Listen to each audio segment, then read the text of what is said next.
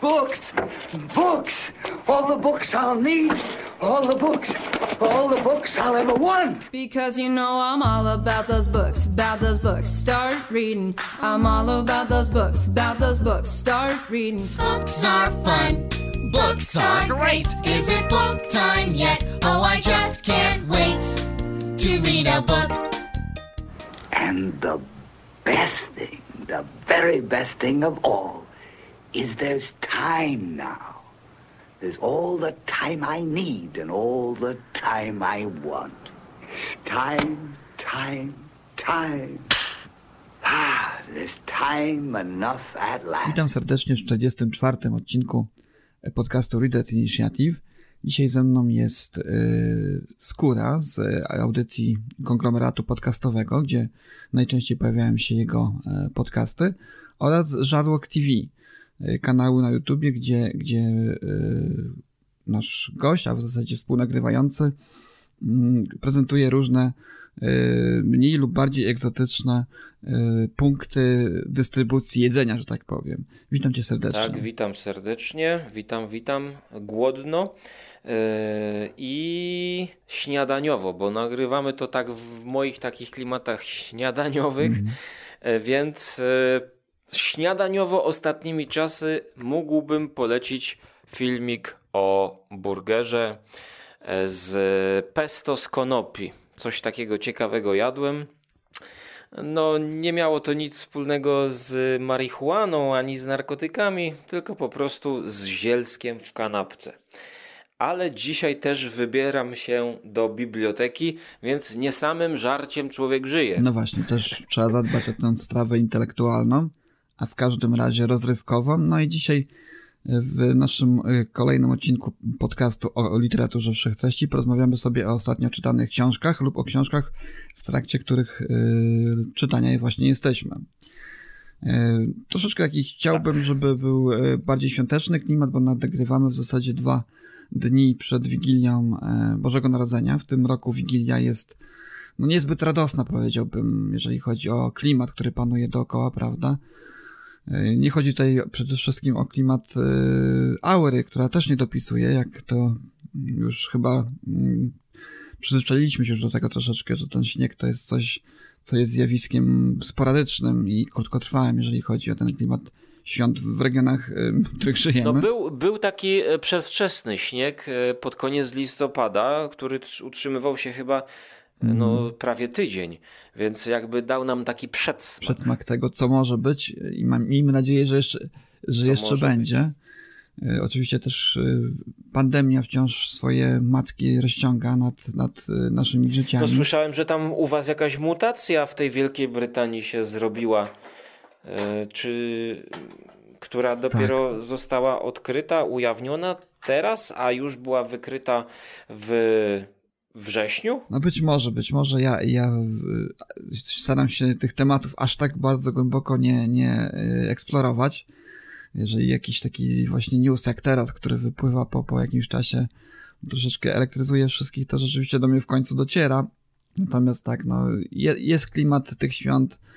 Wszyscy tego się w jakimś stopniu spodziewaliśmy, liczyliśmy na to, że będzie lepiej. Niestety jest jak jest, tak. No, będą to święta, kolejne już święta, które są zdominowane właśnie przez y, tematykę i epidemię, która y, no, nas niejako paraliżuje w jakimś stopniu, więc cóż, sięgnąć trzeba po jakąś książkę dobrą lub dobrą, Otóż to. dobrą lekturę, troszeczkę eskapizmu y, nie zawadzi w tym, w tym w związku z tym.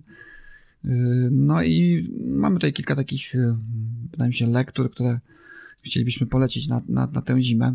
Ja już wcześniej się chwaliłem, że zamierzam wrócić wreszcie do świata dysku Terry'ego Pratchetta. Nie wiem, czy ty cokolwiek czytałeś Terry'ego? E, Ja zacząłem tak, pierwszy kolor magii bodajże.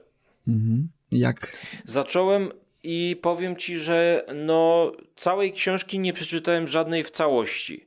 Z tego powodu, że ja ją zacząłem czytać w sklepie.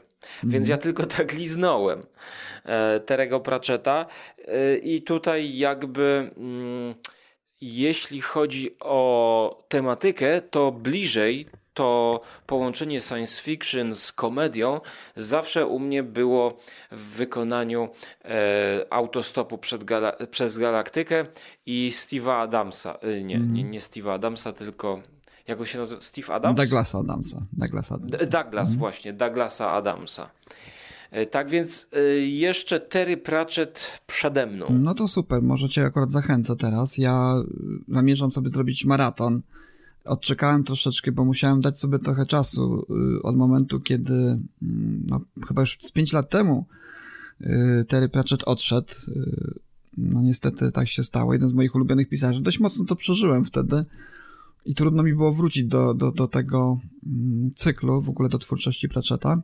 No ale myślę, że już ten czas minął jako żałoby czytelniczej, no i teraz wracam, mam zamiar sobie zrobić taki maraton ze wszystkimi książkami. E, Tego Pratchetta zacząłem czytać e, Kolor Magii, ale z uwagi na święta przeskoczyłem sobie od razu do 20 książki z tego cyklu, czyli Hogfather, a po polsku Wiedźmikołaj. To jest taka właśnie, e, tak jak większość książek Tarego Pratchetta, których bierze sobie na warsztat pewien, pewną tematykę, zakres tematów, tak ta jest właśnie skupiona e, konkretnie na e, wątku świąt. E, świat dysku jest światem niesionym na grzbietach, na grzbiecie żółwia, na którym stoją cztery słonie. No i na nich właśnie spoczywa tytułowy dysk. I ten dysk jest takim zwierciadłem, krzywym zwierciadłem naszej rzeczywistości. Początkowo właśnie od, biorąc pod e, uwagę kolor magii, to miała być taka trochę e, parodia literatury e, fantazy. Zresztą pierwsze kilka książek z cyklu to jest praktycznie konkretne wręcz pastisze konkretnych tytułów, chociażby takich jak Czarnoksiężnik z Archipelagu, Ursuli Le Guin, czy też, czy też właśnie książki o Fafrydzie i Szarym Kocurze Fritza Libera. Więc to są e, konkretne, no to ciekawe, ciekawe. konkretne odniesienia się tam znajdują, e, konkretne też postaci, które są odpowiednikami jakichś tam powiedzmy. Ale co on tam parodiował w, w tej Urszuli Le Guin, w tym czarowniku? Chociażby mm, książka Równoumagnicznienie. To jest książka, która opowiada o tym, jak y, młoda e, dziewczyna rusza do Ankh-Morpork.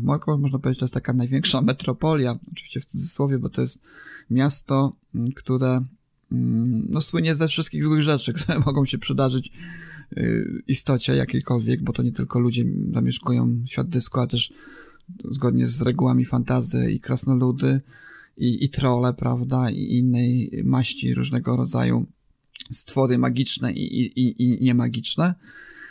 No i właśnie młoda dziewczyna udaje się właśnie na naukę do e, Ankh-Morpork, do niewidocznego uniwersytetu. To jest największy uniwersytet magiczny na, na, na świecie dysku, żeby pobierać nauki, żeby spróbować okiełznać magię, którą włada.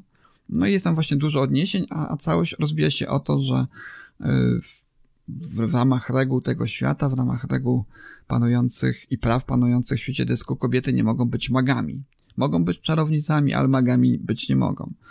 No a ta właśnie, o ile dobrze pamiętam, mm, dziewczyna pod okiem właśnie czarownicy, która ją wspiera właśnie w tym y, celu, rusza właśnie do Ankh-Morpork, żeby nauki pobierać. No i właśnie cały ten wątek jest taki troszeczkę w stylu yy, Czarnoksiężnika z Archipelagu chociażby, tak, że młody Get Krogulec, prawda, też rusza z zapyziałej wioski gdzieś tam za ścianka yy, swojego uniwersum do, do jakiejś przygody, tak, żeby przejść przygodę, żeby pobrać nauki. Y, dużo odniesień jest, tak, tak, y, jeżeli chodzi o te pierwsze książki z cyklu, natomiast już późniejsze książki z cyklu to już były takie bardziej y, i, i lekko filozoficzne, prawda, bo brały poważne tematy w takim dość, powiedziałbym, komicznym ujęciu.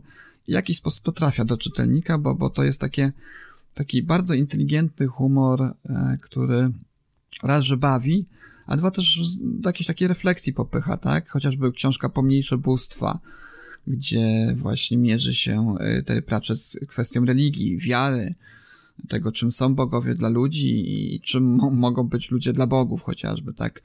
Różne rodzaje właśnie religii są tam przedstawione, od tej najbardziej skrajnych, y, fundamentalnych, prawda, do, do takiej religii, która już w zasadzie przestaje istnieć, bo, bo ludzie komercjalizują niejako czyli coś bardzo bliskiego naszej rzeczywistości, prawda?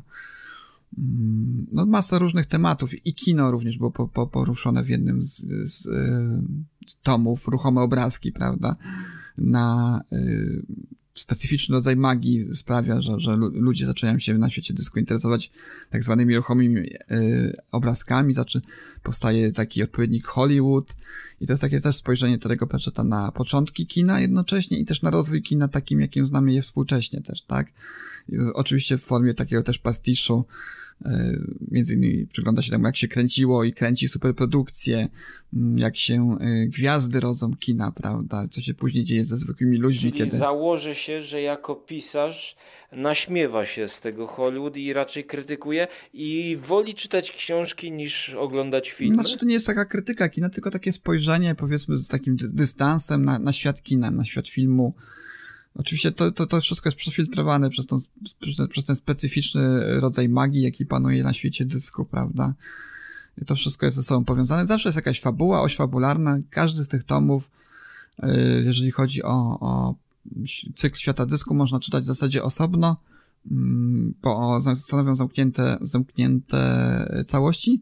Natomiast w ramach tego, tego całości, całego tego cyklu jest kilka podcykli, w których pojawiają się postaci i grupy postaci, które, które powracają niejako, tak? Czyli znane, znani bohaterowie mm, z, z charakterystycznymi dla siebie y, przygodami, tak? Na przykład śmierć, y, która jest oczywiście w świecie dysku mężczyzną, próbuje zrozumieć naturę ludzką i w każdym z tomów, w którym jest, która jest centralizowana wokół tej postaci, y, wiąże się z tym jakiś element ludzkiej kultury, który próbuje tutaj zgłębić śmierć, tak? To na przykład wzmiankowanym wcześniej Wiedźmi Mikołaju śmierć e, z uwagi na to, że e, ktoś, e, tutaj nie będę za bardzo za wiele zdradzał, ktoś zlecił zamordowanie, pozbycie się świętego Mikołaja, co udało się pewnemu skrytobójcy. Śmierć zmuszony jest przyjąć na siebie obowiązki na jedną noc, na tą noc strzeżenia wiedźm, który jest takim jakby odpowiednikiem Wigilii na naszym świecie. Śmierć przyjmuje obowiązki świętego Mikołaja. No i to też masa zabawnych z tego powodu wypływa yy, kwestii. Czyli, czyli rozumiem, że Czyli rozumiem, że e, w prezencie jakieś choróbsko. Nie, no śmierć, śmierć zgodnie z tym, co, co nakazuje oczywiście kanon Nocy Strzeżenia Wiedźm, oczywiście obdarowuje mm, ludzi tym, czego pragną, tak? No, oczywiście z tego też y, różne zabawne sytuacje wynikają, prawda? Y, w Aha, pewnym no momencie jest, jest, jest, jest fajny motyw, y, taki bardzo znany chociażby wszystkim z kina amerykańskiego, z kina anglosaskiego, tych wielkich moli, supermarketów, gdzie przesiaduje Mikołaj, prawda, i dzieci mogą go odwiedzić, prawda? Zrobić sobie zdjęcie, usiąść mhm. na kolana świętego Mikołaja. No i to też do takiego, powiedzmy, mm, odpowiednika tego typu instytucji zagląda, zagląda właśnie e, śmierć. E, przebieraniec ucieka, w związku z czym, a śmierć e, wjeżdża tam oczywiście saniami. W świecie dysku sanie ciągną cztery wieprze, ogromne, czyli cztery żywe wieprze wpadają właśnie w taki supermarket dyskowy, przewracają te wszystkie dekoracje. Oczywiście też jak to świnki załatwiają swoje potrzeby, ku, ku przerażeniu oczywiście właściciela tego, tego marketu. No i y, przebieranie ucieka, siada śmierć, który pełni, jest PO właśnie w tym momencie, yy, obowiązki właśnie pełni yy, świętego Mikołaja. No i tutaj dzieci przychodzą do niego i śmierć dość, dość dosłownie bierze niektóre, niektóre yy, Y, życzenia dzieci. Jest bardzo fajny motyw, kiedy dziewczynka przychodzi y, i Mikołaj się pyta, czego chcesz dziecko, czyli śmierć pyta się, czego chce dziecko, a dziecko trochę jest nieśmiałe początkowo, mamusia popychana mówi, powiedz, że chcesz lalkę, domek dla lalek i tak dalej. A dziecko oczywiście ze swoją specyficzną dziecięcą, prawda, fantazją mówi, że ona chce wielki miecz, y, i wielki ostry miecz, chce mieć konia, i chce być rycerzem. No i oczywiście śmierć takie rzeczy spełnia. Tylko, że śmierć jest dość dosłowny i, i dostaje wielki, ostry miecz, dziecko, a konik się pojawia gdzieś tam na drugim piętrze mieszkania w sypialni, prawda? Żywy, żywy kucy. Czyli tak jak, tak jak w opowiadanie o e, małpiej łapce, gdzie e, życzenia mhm. są wzięte mm, dosłownie, czy również też w, w, Wishmaster, w Wishmasterze. Mm, no, sta, stary motyw. E, rozumiem, że tutaj jeszcze właśnie e, wykorzystuje Terry Pratchett ten jego komiczny charakter i rzeczywiście mm. no takiego wykonania jakby chyba nie słyszałem, chyba że może w kinie gdzieś bardziej tak na śmiesznie starano się to pokazać. No powiem Ci, że zachęcasz tymi świętami, świątecznymi klimatami, e, chociaż ja wypożyczyłem limit 10 książek z biblioteki właśnie e, po nagraniu mm. jadę. Wątpię, żebym e, przeczytał to, tym bardziej, że część z tych książek to jest Nora Jones dla babci. Nie, Nora Roberts. Nora Roberts. Nora Jones to ta śpiewaczka jazzowa. A też świąteczne piosenki, zdaje się, ma w swoim repertuarze jakieś. Tak, ona w ogóle jest standardy. taka mhm. delikatna. Delikatny głos y, Nora Jones e, jest fajną nutą na święta, ale no, ja nie będę już miał slotów wolnych, żeby wypożyczyć jakąś książkę w bibliotece. No ale może właśnie Wiesz co, no, no chciałem przeczytać chociażby ten pierwszy kolor magii po prostu. No bo mhm. wiadomo, Terry Pratchett klasyka, mm, więc, więc no będę musiał to e, zaliczyć. A wtedy może właśnie e, w przyszłym roku sięgnę po, mm, jak on się nazywa? Wiedźmo lub... Wiedźmikołaj. Wiedźmikołaj. Wiedźmikołaj. Mhm. Hmm. Wiedźmikołaj zdaje się też, że był zekranizowany całkiem, całkiem niedawno. Zresztą tutaj całkiem dobra adaptacja to była w, w jakiejś opozycji do tej, która teraz powstaje, mm, bo, bo kręcą, a właściwie skończyli już kręcić Straż Straż.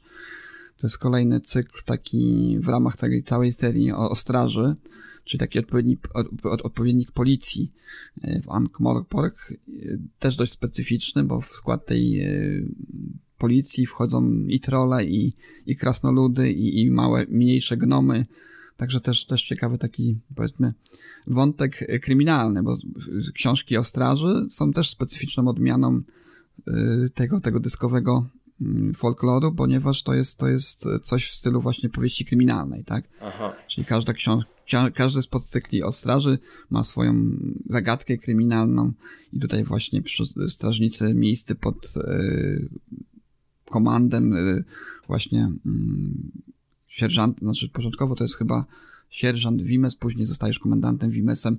Rozwiązują różne zagadki kryminalne. Oczywiście wiadomo, że to świat, świat pełen magii, świat pełen fantazji, więc tutaj też te zagadki są specyficzne też, tak? Ale też w ramach, także, także tak jak wspomniałem, no, jest to w zasadzie komedia fantazy, wszystkie te książki ze świata dysku, natomiast te podcykle sprawiają, że, że żaden y, miłośnik żadnego gatunku w zasadzie, w zasadzie miłości każdego gatunku literatury znajdzie tutaj coś dla siebie, tak? Nie będzie się nudził, bo każda z tych książek jest y, y, inna, każda z tych książek podejmuje inne wątki i też troszeczkę gatunkowo się tu y, Terry Pratchett bawił z tym, bo jest, jest i komedia, jest i troszeczkę horroru w niektórych częściach, chociażby mm, takie jak Panowie i Damy chociażby, gdzie z, z ze świata, w którym zostały jako zamknięte, wracają elfy. A elfy są y, no niestety złe w tym świecie. To są złe, złe istoty, bezduszne, wyniosłe, te, prawda, które próbują zdominować gatunek ludzki, a w zasadzie wszystkie inne gatunki na świecie dysku. Więc masa dobrej zabawy. Początkowe rzeczywiście książki noszą sobie cechę takiego spufu, pastiszu, bardzo, natomiast już późniejsze mają taką bardziej powiedziałbym mm, fabułę dopracowaną, lepsze są, jeżeli chodzi właśnie o te, o, o, te kwestie fabularne. Też y, wiadomo, tak mm, z czasem ten świat się rozbudowuje, zyskuje swoją własną taką mitologię.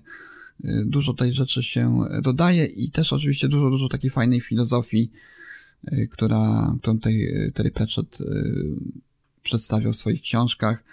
Bardzo mi się to podoba. Zresztą wracając jeszcze do Wiedźmi Mikołaja na koniec, Y, oprócz tego, tej dobrej zabawy jest też dużo o tym, w jaki sposób tworzy się mit, tak, jak powstaje legenda, y, chociażby właśnie świętego Mikołaja, czy tam, czy Wiedź Mikołaja akurat w tym świecie, skąd biorą te wszystkie y, wierzenia miejsce, prawda, a tak tutaj Terry pokazuje i zresztą jak jest rzeczywiście wiele z naszych tradycji, które, które dzisiaj kultywujemy, brało swój początek w bardzo prymitywnych czasach, prawda?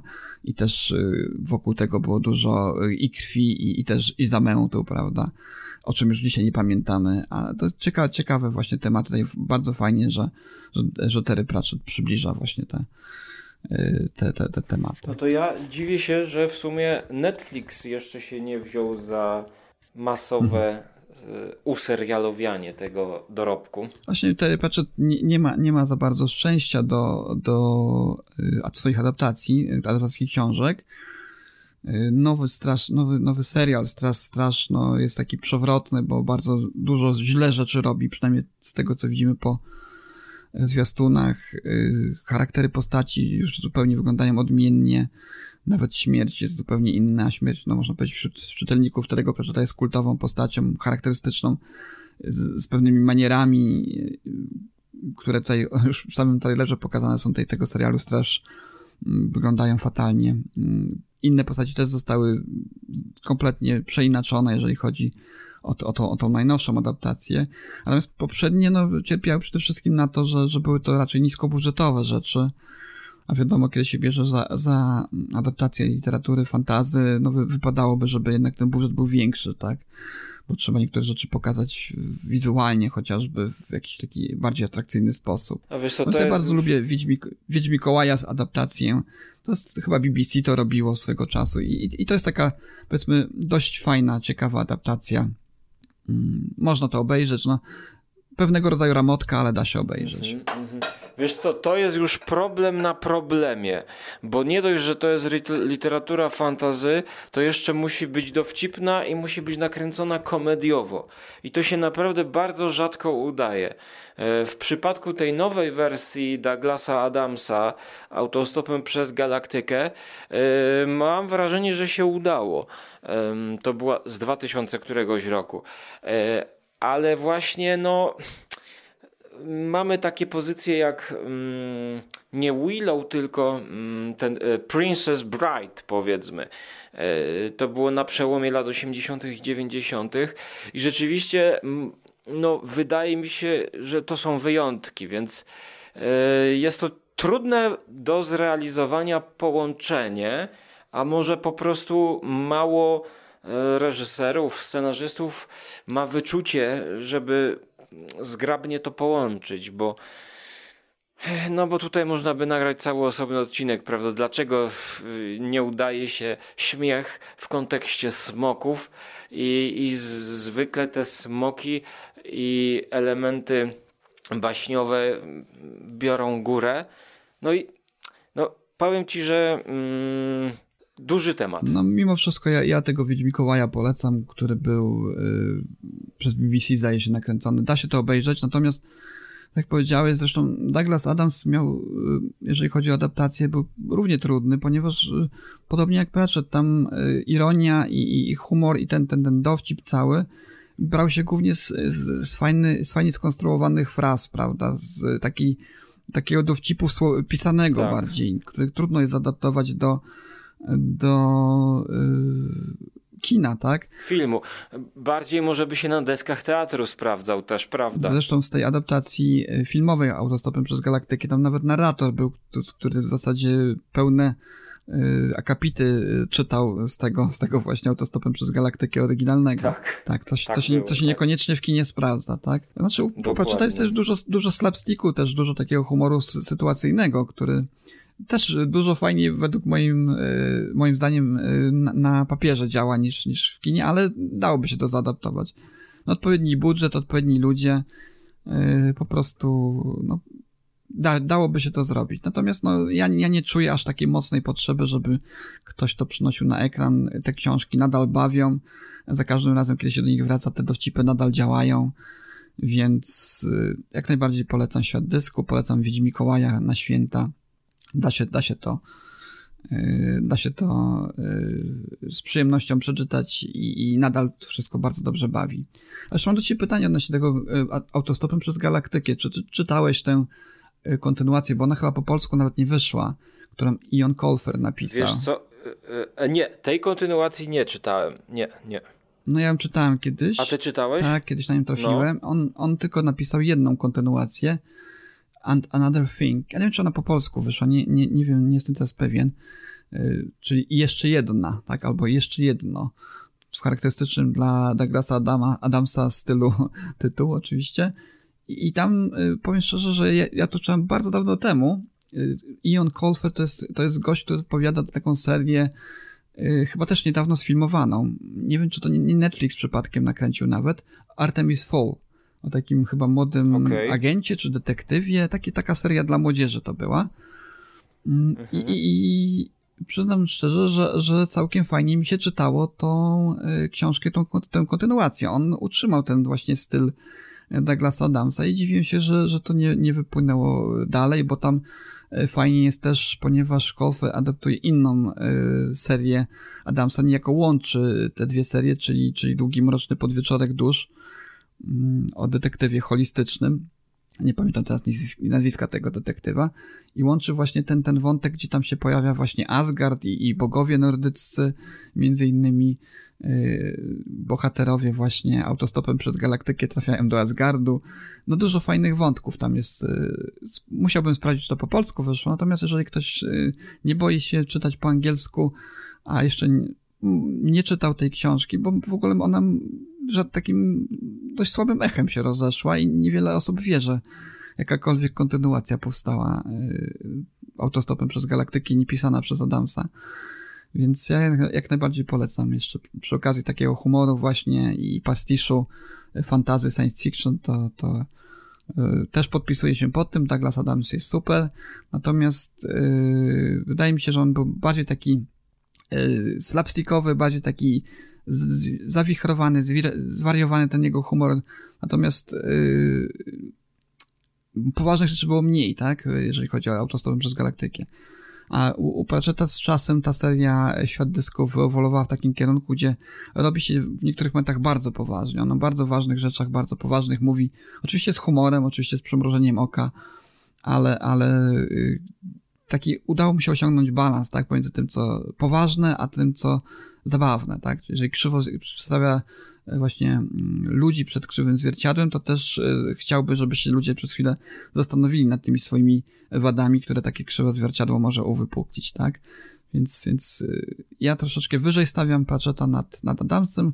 No, Adams, Adams nie był w stanie dowieść później tego, że, że miał jakiś pomysł na swoje uniwersum. Zresztą z tego, co pamiętam, był bardzo niechętny pisaniu kontynuacji autostopem przez no, galaktykę. oszczędnie napisał, tak jakby napisał to, co miał powiedzieć i, i zakończył, a Terry Pratchett masowo, mhm. mam takie odczucie, jak wejdę do księgarni, tworzył potem. Tak, i, to, i ten e, poziom nigdy nie spadał, ci... powiem ci szczerze, nigdy nie spadał. Aha. Świat dysku się zmieniał, prawda? Świat dysku ewoluował. O początku od takiego, powiedzmy, jakby średniowiecznego fantazy, y, prawda? Dziś w rejony wiktoriańskiej Anglii bardziej, bliżej, tak? Bo pojawiały się różne wynalazki na świecie dysku, jak choćby maszyny parowe, o kinie już wspomniałem, prawda, i innego rodzaju. Pojawiły się też y, odpowiednik sieci y, komórkowej chociażby, czyli dyskowe sekary. No on raczej przetwarzał wszystko to, co y, było w naszej rzeczywistości, tak, na ten właśnie dyskowy sztafaż i to, to, to mi się podobało, bo on każdy z takich właśnie elementów naszej popkultury, kultury umiał ująć właśnie w takie klamry literatury fantazy, tak. Ja tak mówię, poruszał bardzo ważne rzeczy, tak, jak chociażby e, równouprawnienie, też e, bardzo mocny akcentował kwestie ra, ra, rasowe, tak, e, czyli ten wątek rasizmu powracał i tego, tego ksenofobizmu, nawet nacjonalizmu w niektórych książkach, chociażby Jingo jest taką książką, prawda, gdzie, gdzie te wątki porusza. Poruszał kwestie wojny, niesprawiedliwości, prawda, jaka z tego wypływa, mm, problemów różnego rodzaju, y, które trapią współczesny świat. Ciekawe jakby do pandemii podszedł. Podejrzewam, że też by miał swoją, e, swoją książkę, która, która by ten okres w jakiś sposób opisała, tak, i ten, i ten problem. Więc tak, no, ja, ja mimo wszystko stawiam wyżej troszeczkę. Y, Adamsa nad, no, przepraszam, Pratchetta nad Adamsem. No jako, że tej literatury, y, powiedziałbym, prześmiewczej w Polsce za dużo się nie wydaje, nad czym też trochę ubolewam. Wydano kilka książek Toma Holta, też Pruszyński wydał. Tom Holt też był taki właśnie humorystą, który łączył wątki fantazy z takim powiedzmy humorem, komedią, ale chyba się to nie sprzedało. No w Polsce znany jeszcze był Kir Bułyczow, A to, rosyjski pisarz. Tak, to, to, to dużo wcześniej. Ale, ale z tych takich humorystów anglosaskich, no jest ich ma, cała masa, a chociażby Tom Holt wspomniany, ale widocznie nie, nie przyjęło się to, nie sprzedaje się to dobrze i, i, i cóż, no jeszcze Christopher Moore też jest, tak? Ten jego, nie wiem, czy kojarzysz ten jego cykl o wampirach. Nie znam, nie. Też taka nie, komedia. Tego nie znam. Komedia mocno się wyśmiewająca z książek, chociażby takich jak e, Zmierzch, czy, czy, czy ogólnie z tego wizerunku wampira, który w jakiś sposób e, wykwitł e, w ostatnich czasach, jeżeli chodzi o kino, tak? Tego, tego romantycznego wizerunku wampira a nie tego krwiożeczego, takiego chociażby jak znamy z, z Drakuli, nie? Więc Christophera Mura też polecam. On też zresztą tworzył takie troszeczkę, powiedziałbym, obrazoburcze w jakimś stopniu mm, książki związane z religią. Nawet gdzieś tam mm, chyba jakimś apostole pisał, czy jakimś proroku. Do tego, do, tego już, do tego jeszcze nie dotarłem. W każdym razie, jeżeli lubicie to y, troszeczkę coś śmiesznego, prześmieszczego o wampirach, to, to jak najbardziej Mm, jest cykl, chyba mówiliśmy o nim też w, w jednym z naszych odcinków Leaders Initiative. Tytuły ma dość e, ciekawe, bo tam jest si, mała si, gryś, mała gryś, więc Mo może się pani w bibliotece troszeczkę zarumienić, kiedy zapytasz o taką książkę. Właśnie, no przypomniałeś mi tutaj mój wyrzut sumienia tego Terego Pratchetta, ale to powiedz jeszcze, mhm. czy on właśnie nie jest na przykład zbyt obrazoburczy albo zbyt e, zniechęca no, niewygodny y, dla tych, którzy nie zgadzają się z jego poglądami. Nie chodzi mi o jego postać w życiu, ale o jego książki właśnie się zastanawiam. No bo y, jeśli chodzi o jego życiowe poglądy, no to z, znamy jest, było kilka filmów dokumentalnych, y, jego wypowiedzi. Mhm. Y, raczej stoi po lewicowej stronie jeśli chodzi o ideologię.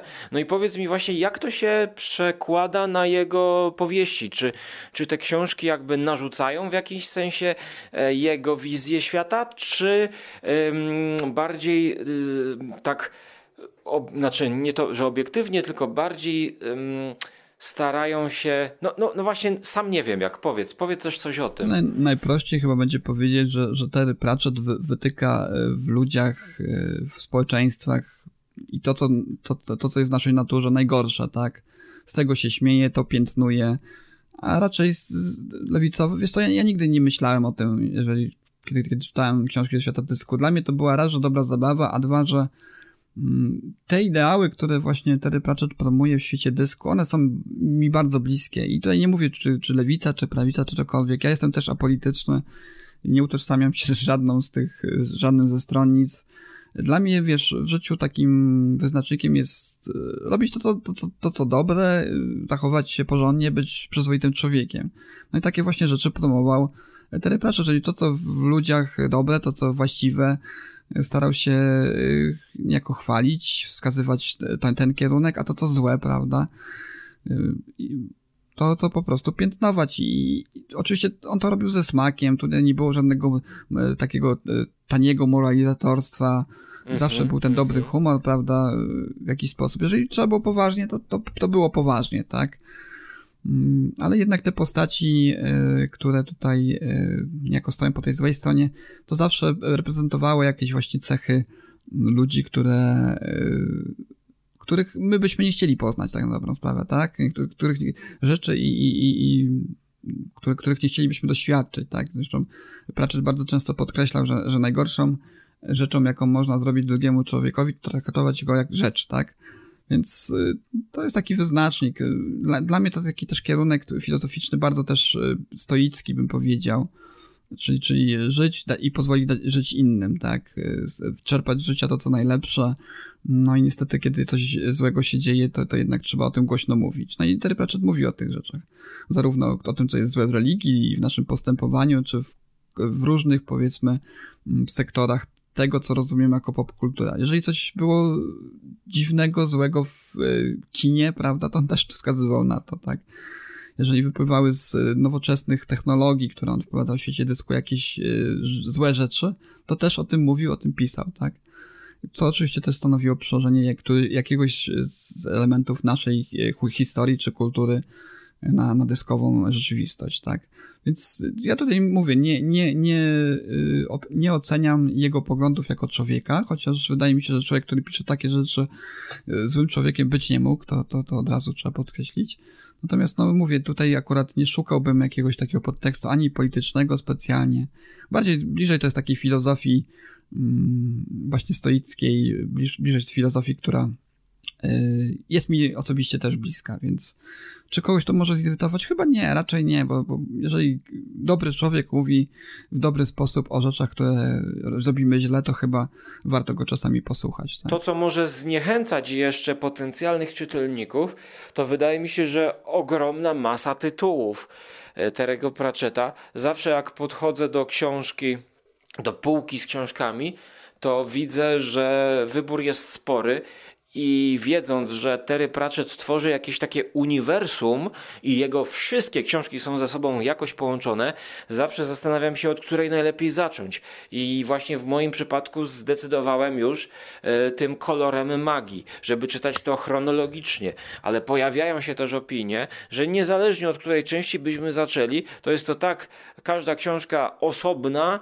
że spokojnie czytelnik się połapie. Jak ty to widzisz? Jest to, to nie do końca jest tak, bo bo, oczywiście każda książka z tych książek stanowi taki standalone, natomiast jeżeli chodzi o mm, kolejność, to chyba w ramach podcykli. Wiesz, są w internetach takie zestawienia, w, jakich, w jakiej kolejności najlepiej czytać, jeżeli chce się przeczytać wszystko, jeżeli chodzi o tego Pratchetta, bo pojawiają się tam postaci, które powracają i te postaci w jakimś stopniu też ewoluują, tak, w każdej z kolejnych książek, tak, w związku z tym, co, co przeżyły w poprzedniej. Oczywiście one stanowią zamknięte te książki zamknięte historie, ale, ale wi wiadomo, lepiej y, czytać je w jakiejś takiej kolejności chronologicznej, bo wtedy się zyskuje lepszy, lepszy ogląd na to. No ja mam akurat tak, że, że czytałem Świat Dysku po, po kolei i trudno jest mi ocenić, jak y, łatwo by było się wgryźć komuś, kto by zaczął powiedzmy od dowolnego tomu. Natomiast uważam, że można spróbować y, od dowolnego tomu, bo gdzieś tam zawsze Terry Pratchett nakreślał jakąś taką chociażby ogólną Mm, historię, jeżeli trzeba było jakiś wątek przypomnieć czy coś, to, to w jaki sposób to robił, tak? Także ja, ja na początek poleciał, polecałbym, znaczy oczywiście polecam wszystko tego Pratchetta, ale, ale polecał, polecałbym raczej y, sięgnąć po książkę, w której Pratchett porusza temat, y, który was osobiście interesuje, tak? Czy to jest kino na przykład, czy religia, to pomniejsze bóstwo jak najbardziej, prawda? Czy rozwój technologii nowoczesnych, to Y, para w ruch chociażby, tak? Czy na przykład jeżeli chodzi o, wam, lubicie kryminały, to cykl o straży, tak? Który się rozpoczyna od straż, straż, zbrojni i, i inne, tak? Warto sobie wejść w internet, poszukać, y, to jest, to jest chwilka czasu. Tam są te cykle wszystkie dokładnie posegregowane i mniej więcej chronologia jest zarysowana, w jakiej to czytać. Ale mówię, jeżeli na początek chcecie sięgnąć po którąkolwiek z książek Darego Bycza, na przykład macie ochotę na jakąś świąteczną lekturę, to to tak najbardziej Wiedź Mikołaj, tak, tak myślę, warto zacząć od tego. No i tak, tak jak powiedziałem wcześniej, te, te książki się rozwijały z czasem od takiego zwykłego pastiszu, yy, powiedzmy, jakiejś, jakiejś yy, mm, komedii, po, trochę poważniejsze tematy z elementami oczywiście komedii. No to mnie zachęciłeś w sumie najbardziej do tego, żeby przeczytać tą o kinie książkę, wiesz? Jak najbardziej. Znajdziesz tam masę fajnych rzeczy. Myślę, że to jest akurat w sam raz lektura dla ciebie na początek, jeżeli chodzi o Pratchetta. No i ten kolor magii jednak, no bo tam się wszystko zaczyna i on wprowadza to, ten świat cały. E, więc no, no, przypomniałeś mi o, mm, o moich zaległościach, więc ja teraz bym przeszedł e, na to, co jednak czytałem. Mm -hmm. Tak, 10 książek wypożyczyłeś, jestem ciekaw, co tam ciekawego. Słuchaj, powiem ci, że wypożyczyłem no, pozycje ciekawe, bo wypożyczyłem dla babci Olive Kittridge, e Elizabeth Stratton, bodaj... Mm, Olive Kittridge znasz? Nie, nie znam. Ja, ja z tej literatury, yy, powiedziałbym, uznawanej jako kobieca, yy, bardzo mało znam książek. Oj, Olive Kittridge to jest powieść, która dostała Pulitzera. Y, przepraszam, o, nie Pulitzera. Yy, zaraz, pewnie, co? Y, wiesz co? Poczekaj, akurat to sprawdzę. Y, Elizabeth Stroud, on Pulitzera, tak, za fikcję w 2009. I Olive Kittredge e, miała znakomity czteroodcinkowy serial, e, który położyłbym obok obyczajówek Stephena Kinga. Więc jeżeli ktoś mm, zachwycił się takimi filmami jak Dolores Cl- Claiborne, albo nawet powiedziałbym Misery, e, tam gdzie nie ma jeszcze grozy, to czteroodcinkowy serial ze znakomitą obsadą e, polecam właśnie na e, wstęp. E, HBO to zrobiło, Frances McDormand w roli Olive Kittredge. E, no i Olive Kittredge e, no, no i wybitne dla mnie jest to jakby opo- opowieść i, i to jest tak z wyższej półki dla babci. E, natomiast em, u jednego z moich słuchaczy zauważyłem na półce e, powieść Sary Waters, która mnie e, zaciekawiła swoją oprawą, więc wziąłem też dwie książki Sary Waters, brytyjskiej, to już współczesnej pisarki, e, no nie tak, nie tak chyba znanej i tak dobrej jak Elizabeth Stroud. Em, ale, ale tak, tak informacyjnie mówię. Właśnie bardziej myślę, że dla kobiet z takim może elementem lekkim e, lesbijskim, chociaż może nawet nie lekkim. E, ona nie miała mm, takiej, takiego szczęścia do ekranizacji. E, było kilka filmów, ale to raczej właśnie takie lokalne e, brytyjskie ekranizacje, które, które nie wypłynęły jakoś na szersze wody em, ki, ki, miłośników kina. E, No i wypożyczyłem książkę Stephena Kinga dla dzieci. e, Czyli Charlie Puff Puff, 24 strony. My, mu, myślę, że muszę przeczytać jeszcze w tym roku, żeby podwyższyć, podbić swoje statystyki w tego roku. On to w ogóle napisał pod pseudonimem. Jestem bardzo ciekawy.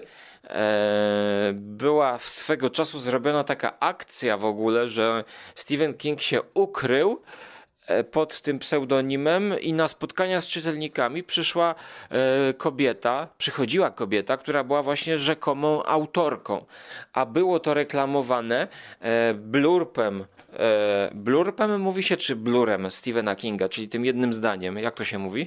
Blurbem, tak? Ten, który jest na, na tylnej stronie okładki. Tak, oto właśnie, to, to są blurb, tak? Blurb. Blurb, E, tak. Więc e, był podpis, że jeśli napisałbym książkę dla dzieci, to wyglądałaby ona właśnie w taki sposób. No a biorąc pod uwagę, że Stephen King, e, wiesz, e, lubi obdarzać wielu e, pisarzy i czy wiele seriali właśnie takim, o świetny serial, super, super, najlep- dziesięciolecia, książka dziesięciolecia, no to podejrzewam, że wielu mogło się nabrać, chyba że słuchali wiadomości z martwej strefy. No ale sam Mando jeszcze nie omówił i nie nagrał o tym odcinka. E, ja jestem bardzo ciekawy. Ja jestem bardzo ciekawy, bo To ostatnio. jest, zet- to jest książka, która, która pojawia się w Mrocznej Wieży, tak? Ta autorka. tak, tam. też się pojawia, tak, więc jest to takie, e, takie nawiązanie. Beryl Evans. D- Dokładnie tak, o tym mówimy. E, Ja jestem bardzo ciekawy, bo ostatnio mam taką jazdę e, na literaturę dla dzieci może, gdyż e, widziałem się e, z Michałem Rusinkiem, sekretarzem Wisławy Szymborskiej, poetą, pisarzem. E, Nagrałem z nim e, ponad godzinny wywiad, rozmowę. Jest dostępna jak na razie dla moich patronów przedpremierowo. Za jakiś czas wyjdzie na konglomerat. No i właśnie tak rozmawiając z nim zacząłem szperać i trafiłem na tę książkę e, właściwie tak przypadkiem, naprawdę przypadkiem, przeglądając elektroniczne e, składy książek e, biblioteki i gdzieś mi coś tam, wiesz, z tyłu głowy kojarzyło się, że ja to znam. Ale z racji tego, że na okładce jest lokomotywa taka dla dzieci, ja mówię, a wezmę, przeczytam sobie to. No i em, właśnie miałem e, takie, takie déjà vu, że coś mi tutaj nie gra. Po krótkim researchu okazało się, że jest to książka Stephena Kinga i, i notabene nasi tutaj krakowscy bibliotekarze e, dali ją, wrzucili ją do e, hasła Stephen King, e, tak jakby on był autorem, pomimo że na okładce nigdzie nie ma napisu, Mhm. że jest to napisane przez Stephena Kinga, tak? To jest w ogóle ciekawy przypadek, bo to jest książka, fikcyjna książka powstała w fikcyjnym świecie, która później została yy, uzyskała realny wymiar w naszym świecie, tak jakby, tak? On nadal brnie w tą, tą yy, taką, powiedzmy, yy, wieloświatowość, tak? Tak jakby próbuje nam tutaj King tak jakoś podskórnie zaszczepić to, że, że ta jego rzeczywistość Mrocznej Wieży jest naszą też rzeczywistością w jakimś stopniu, tak? Jeden, jeden z tych wymiarów i, i nagle tu się pojawia ksi- książka, która generalnie no niby jest dla dzieci, niby powstała dla dzieci, ale ona też ma to, taki troszeczkę makabryczny wymiar, tak? Tym wszystkim. Tam jest taki głęboki podtekst. Ja tej książki nie czytałem, natomiast ona jest dość, yy, znaczy fragmenty, które się tam pojawiają w Mrocznej Wieży, ona jest dość creepy, tak? Tam dzieci są przerażone w tej książce tym, co robi Charlie Puf Puf.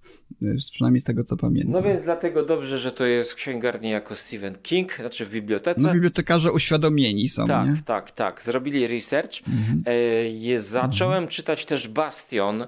E, 50-60 stron przeczytałem. Mm, No i w, w ramach tego kontekstu, co czytam, okazał się takim czytadłem. Bardzo lekko wchodzi, dobrze się czyta. E, Szczególnie ten początek, e, obawiam się, e, bo siedzę w takich cięższych klimatach. Mm, Znowu wraca Biblioteka Grozy. I dzwon we mgle tym razem, czyli amerykańska pisarka Gertrude Atherton, o której nie miałem bladego pojęcia, że istnieje, gdyby nie została wydana właśnie jako Biblioteka Grozy.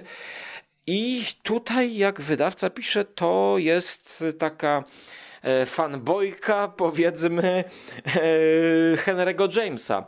Ona w, tyt- w tytułowej noweli Dzwon we mgle napisała dedykację dla mojego mistrza Henry'ego Jamesa. Całość przeczytałem. Jest to 90-stronnicowa książeczka, gdzie mamy jedno opowiadanie pod tytułem Foghorn, czyli Syrena Mgłowa, które zekranizował e, Alfred, znaczy Alfred Hitchcock tego chyba nie wyreżyserował, ale ekranizacja tego opowiadania znalazła się w sławnym serialu Alfred Hitchcock przedstawia, takim kryminalnym. E, właśnie e, krótki taki metraż. E, no i ja muszę powiedzieć, że to jest raczej takie wtórne wszystko. Poza dzwonem we mgle, tytułowym dzwonem we mgle, właśnie takim gotyckim opowiadaniem, wzorowanym na Henrym Jamesie, to jest najlepsze z całego tomu. I, i, I właściwie gdyby nie to, to, to żałowałbym e, trochę, trochę Trzeba czasu. powiedzieć, że to nie jest e, autorka współczesna, która, która y, Tak, to jest się twórczością, to jest, to jest już no, też klasyk. Mm, Tak, to jest tak, z epoki, tej samej epoki. 1857, zmarła w 1948, e, więc tej książeczki nie polecałbym tym, którzy nie siedzą w tej starej grozie. E, To jest już, że tak powiem, dla wyjadaczy, e, dla tych, którzy, którzy po prostu lubią te stare opowieści z dreszczykiem. E, I, I tutaj ja bym radził to czytać w ostateczności. W kontekście mówię to całej biblioteki grozy, która jest e, coraz bardziej obszerna. No po prostu jest więcej w bibliotece grozy e, bardziej wartościowych e, książeczek. No i właśnie teraz wracam do tego Stephena Kinga i całego Bastionu, że właśnie w kontekście tej starej literatury czyta się to wręcz jak czytadło. Ale jeszcze odkładam, odkładam na nowy rok ten bastion, bo jak widać epidemia będzie w tle cały czas, więc jakby tutaj e, no, no bas, bastion trzeba przeczytać w moim przypadku, bo nigdy nie czytałem, cały czas odkładałem, na później odkładałem. I wypożyczyłem również dwie książki, którymi zachwycał się sam Stephen King, czyli Shirley Jackson, e, zekranizowany ostatnio e, Nawiedzony, a także Mieszkałyśmy w zamku. E, I tutaj dla babci pójdzie jedna z tych książek, to na pewno, bo babcia przeczytała chociażby to. Stephena Kinga. Więc, więc, więc dam. No, Shirley Jackson też troszkę była taka może obyczajowa. Ja mam jej opowiadania. E, bardzo ciekawa pisarka. No, ale czy się zmobilizuje, czy, czy, czy, e, czy przeczytam tyle książek, co ja tam jeszcze powypożyczałem? To nie pamiętam. A, nie, jeszcze, jeszcze, jeszcze z takich czytadeł horrorowych teraz powiem. Znaczy, e, nie obrażając Stephena Kinga, bo, bo teraz schodzimy na poziom niżej e, czytadeł. E, czytadeł, czy właściwie no, e, nie, nie uważam, e, że, że Bastion jest czytadłem, tak? tylko mówię w tym kontekście lekkiego czytania, że to, że to wchodzi świetnie pomimo tych wielu dygresji kingowych. Mm, to jeśli mowa o czytadle, to powiem wam, że wypożyczyłem no, trochę dla siebie i trochę dla babci e, Stefana Dardę, e, który wypuścił książkę ze współautorką. E, jak to się nazywa? Darda. Napisaną przez kobietę. Cymanowski Młyn. E, to jest napisane z Magdaleną Witkiewicz. E, to jest tom pierwszy jakiegoś cyklu.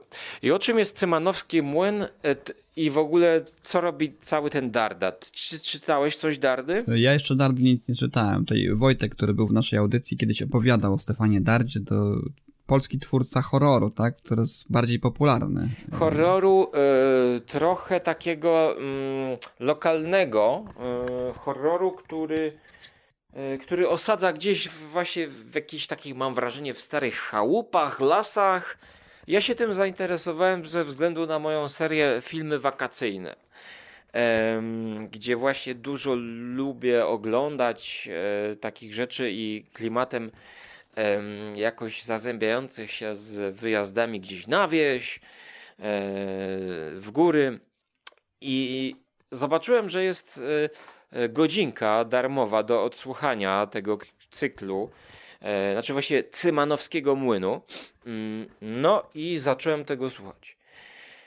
Wkręciłem się w audiobooka i wypożyczyłem. A dlaczego się wkręciłem w audiobooka? Bo jest on czytany przez lektora i lektorkę, tak? Kobieta i facet czytają to E, z podziałem nie na role, ale chyba na rozdziały. I chyba to się może zazębiać w jakiś sposób e, z tym z tymi dwoma autorami, no bo tutaj jest i Magdalena Witkiewicz, której nie znam, i Stefan Darda. Ale to dodatkowo jeszcze zazębia się e, z głównymi postaciami dramatu, tak bym powiedział, bo jest to historia o małżeństwie trochę rozpadającym się małżeństwie, e, które, w którym kobieta e, właściwie nawet nie wiadomo kto postanawia naprawiać to małżeństwo poprzez wyjazd do tego e, cymanowskiego młynu. Więc oni jadą samochodem, jak w horrorach klasy B, do starej posiadłości, hotelu, poza sezonem, klimaty trochę jak z Jacka Ketchama poza sezonem, tam jest pusto, tam jest taki właściciel z synem, którzy też ledwo co dopinają ten biznes i zaczyna się. No i zaczyna się. I jak ja tego zacząłem słuchać, to normalnie tak jakbym e, ta, ta część, która jest czytana przez kobietę, to no momentami śmiać mi się chciało, bo to był język właśnie wspominanej na początku audycji Nory e, Roberts albo Daniel Steele, tych czytadeł, e, osadzony w tle horrorowym. Bo lektorka czyta w liczbie pierwszej osoby przemyślenia kobiety. Ta książka chyba jest tak podzielona, bo jeszcze nie miałem jej w ręku w papierze. Jest tak podzielona, że jest rozdział, gdzie mamy myśli głównej bohaterki, a z drugiej strony mamy narrację e, trzecioosobową lektora, który opowiada, co się dzieje w tym domku i co robi ten facet. A ten facet jest typowym takim, takim e, typowym, jest tak pokazany jak, no, no nie wiem, no targetem tej książki bardziej jest jakaś e, na razie w pierwszej godzinie słuchania jest jakaś, jakaś kobieta, która ma dosyć swojego męża. On jest okropny, on jest znudzony, a wszystko to jest tak napisane, no, że mnie to śmieszy. Ale że to ma być horror, to ja chcę zobaczyć, dokąd to zaprowadzi. Tak, tak no, zupełnie na Właśnie luzie. dość, dość widzę, widzę, że dość takie rozbieżne opinie są i o tych książkach, i ogólnie o twórczości Dardy. Są osoby, które lubią, y, wychwalają i są też takie, które bardzo niskie oceny dają i mówią, że to jest y, dno i, i, i jakieś takie romansidło i tak dalej. Y, ta, ta, pani Magdalena Witkiewicz, ona jest pisarką romansu, więc może tutaj takie połączenie tak. twórcy horroru z twórczynią romansów niekoniecznie stanowił udany mariaż literacki. Ale, no, ale... ale... Są też osoby, którym to przypadło do gustu i, no dobrze, no jeżeli ktoś, ktoś lubi y, takie połączenie dość y, dziwne powiedziałbym, z tego przynajmniej co ty mówisz, to, to, to być może do kogoś, do kogoś to trafi. Ale właśnie do mnie... Nie wiem, czy, nie wiem, czy to jest właśnie, wiesz, nie wiem, czy to jest y, twór tych czytelników, wielbicieli literatury grozy zniechęci ten element y, romansowy, a znowu wielbicielki romansów raczej ten horror może odstręczać. No, otóż to! Otóż trochę, to. trochę to dziwne jest. A, a powiem mhm. ci, że, y, że mnie się to podoba jako totalne guilty pleasure, y, bo ja mhm. tutaj no, mam takie rozdwojenie jaźni. Jeszcze słuchając tego audiobooka, kiedy mam lektorkę, no lektorka w mojej opinii nie wywiązała się dobrze ze swojego zadania. Z tego powodu, że ona dodatkowo dodaje dramatyzmu e, do mhm. całej tej narracji i ja tego słucham jak komedię. No ja, ja wielokrotnie prychałem, więc ja słucham tego i, i, i zacznę czytać totalnie rozrywkowo właśnie, e, czując się tak, jakbym oglądał e, film klasy B z lat 80., tylko że osadzony w polskich klimatach, polskiej wsi, no a biorąc pod uwagę, że mamy jeszcze sequel, czyli Cymanowski Chłód. Zimą może. Dziejący się zimą. Tak, no właśnie żałuję, że, że, że o tym wcześniej się nie dowiedziałem, jak byłem w górach, bym ten młyn przeczytał, a teraz miałbym na zimę w sam raz świetne czytadło albo słuchadło.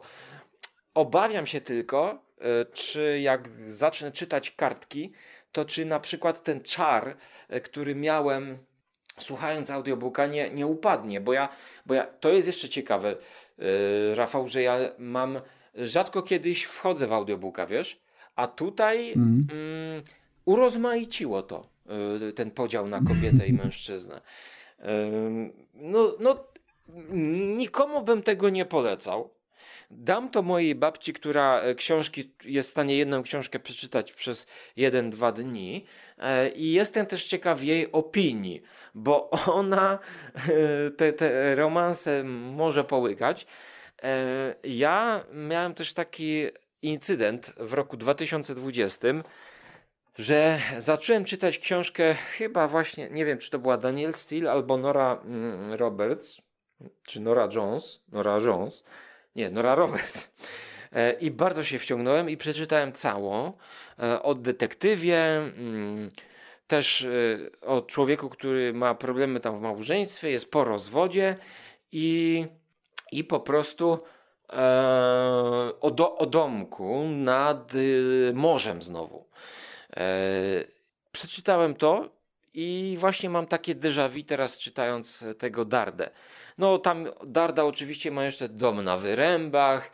E, powiem ci, że no jestem nie tyle co zaciekawiony tak intelektualnie, ale tak rozrywkowo. To właśnie będzie może dla mnie taka lektura e, na, na, na świąteczny okres e, odpowiednia. Chociaż wolałbym z Shirley Jackson jednak przecisnąć, bo, bo jest to, mm, no jakby nie patrzeć, klasyka. Czy masz jakieś pytania w związku z tym e, no, trochę doborem lektur, no takim wykręconym troszkę. Nie, no cie, cie, ciekawy, ciekawy wybór. Jeżeli chodzi o, o Kinga, to też jestem zaciekawiony tą książeczką, którą wydał pod pseudonimem Beryl Evans, bo tam nawet ilustracje są takie niby dla dzieci, ale takie trochę creepy. Dokładnie. Takie, jakie, jakimi je opisywał właśnie w Mrocznej Wieży, kiedy ta książka trafiła w ręce bohaterów. Także to jest też.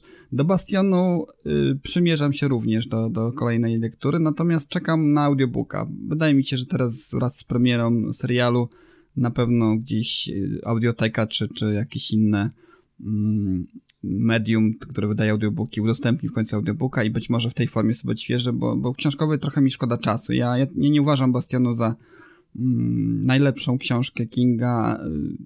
Miło mi się to czytało, ale dla mnie to jest książka, jeżeli chodzi o czytanie, poświęcenie na lekturę na raz, a, a z przyjemnością sobie wysłucham, jeżeli się pojawi w formie audiobooka. No właśnie, ja już ci powiem, że po tych 60 stronach stwierdzam, że jest trochę przegadana, że, że ten długi mm. metraż no obawiam się, że ona mogłaby zyskać, gdyby ją skrócić z tych dygresji, bo no dobrze się to czyta, jest to napisane w, w stylu tego tak zwanego przegadanego Kinga, ale tak na zdrowy rozum, no to ja lubiłem Bastion do momentu, kiedy tam te elementy fantazy się zaczęły pojawiać i one zdominowały niejako ten, tę tak, książkę, tak. bo no ja początek, upadek serial, cywilizacji, wiesz? podobnie zresztą z serialem jest, tak? Początek, upadek tej cywilizacji, pokazanie tego, jak się rozkłada y, społeczeństwo, prawda, pod, pod, pod y, właśnie w efekcie działania wirusa, prawda, epidemii, pandemii, to, to było fajnie u Kinga pokazane, zanik tych norm społecznych i tak dalej, to też ciekawe. Natomiast y, później ten wątek fantazy, który dominował, on już był dla mnie taki mniej interesujący i, i, I zresztą to później też e, King powielił w komórce chociażby, prawda? Który jest takim bastionem light, powiedziałbym. Bastionem na nasze czasy. O. Tam Możliwe. też jest właśnie początek, początek jest trzęsienie ziemi, fajnie się to wszystko pokazuje, ta epidemia tych quasi-zombich, e, a później się zaczyna już takie bardzo fantastyczne znowu to robić. No właśnie obawiam Więc... się, że będę miał taki spadek w dół, bo, bo, bo przy komórce też miałem E, przy komórce to miałem taki spadek w dół, że no chyba jedną z najgorszych Kingów to jest, jak, jaki czytałem. Mm. A tutaj... Z jednym z najlepszych rozpoczęć, bo tam początek jest super, po prostu kiedy nagle ten chaos wywołany tym sygnałem się nie rozpętuje. Tak, fajnie. No to, to, to była coś, taka coś na czasie, na mm. czasie książka, prawda? Te komórki wszyscy, e, wszyscy mówili o tym rozwoju sieci komórkowych i tak dalej. Natomiast tutaj mam obawy, że, że to będzie coraz mniej mi się chciało czytać. Jak teraz e, mi się chce czytać i mam wrażenie, że jakbym zasiadł do Bastionu na spokojnie, to bym 100-200 stron tak jednym ciurkiem przeczytał, no to Obawiam się, że, że potem może być słabo. No ale jeszcze chcę skończyć w tym roku, e, to na pewno Cień Bafometa Stefana Grabińskiego, mm. E, bo też właśnie e, Biblioteka Grozy wydała. Jestem już na 55 stronie, mm, zostało mi 90 stron, więc to jest króciutkie. Ale, ale może dwa słowa powiem. O czym jest Cień Bafometa? Jeszcze nie wiem. Na pewno jest to powieść naszego polskiego Edgara Alana Poe, jak się go zwykło mhm. nazywać.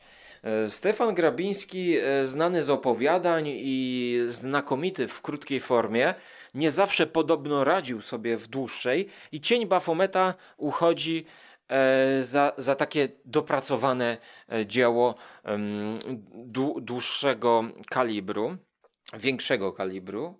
I to mhm. opowieść, która zaczyna się świetnie i zagadkowo.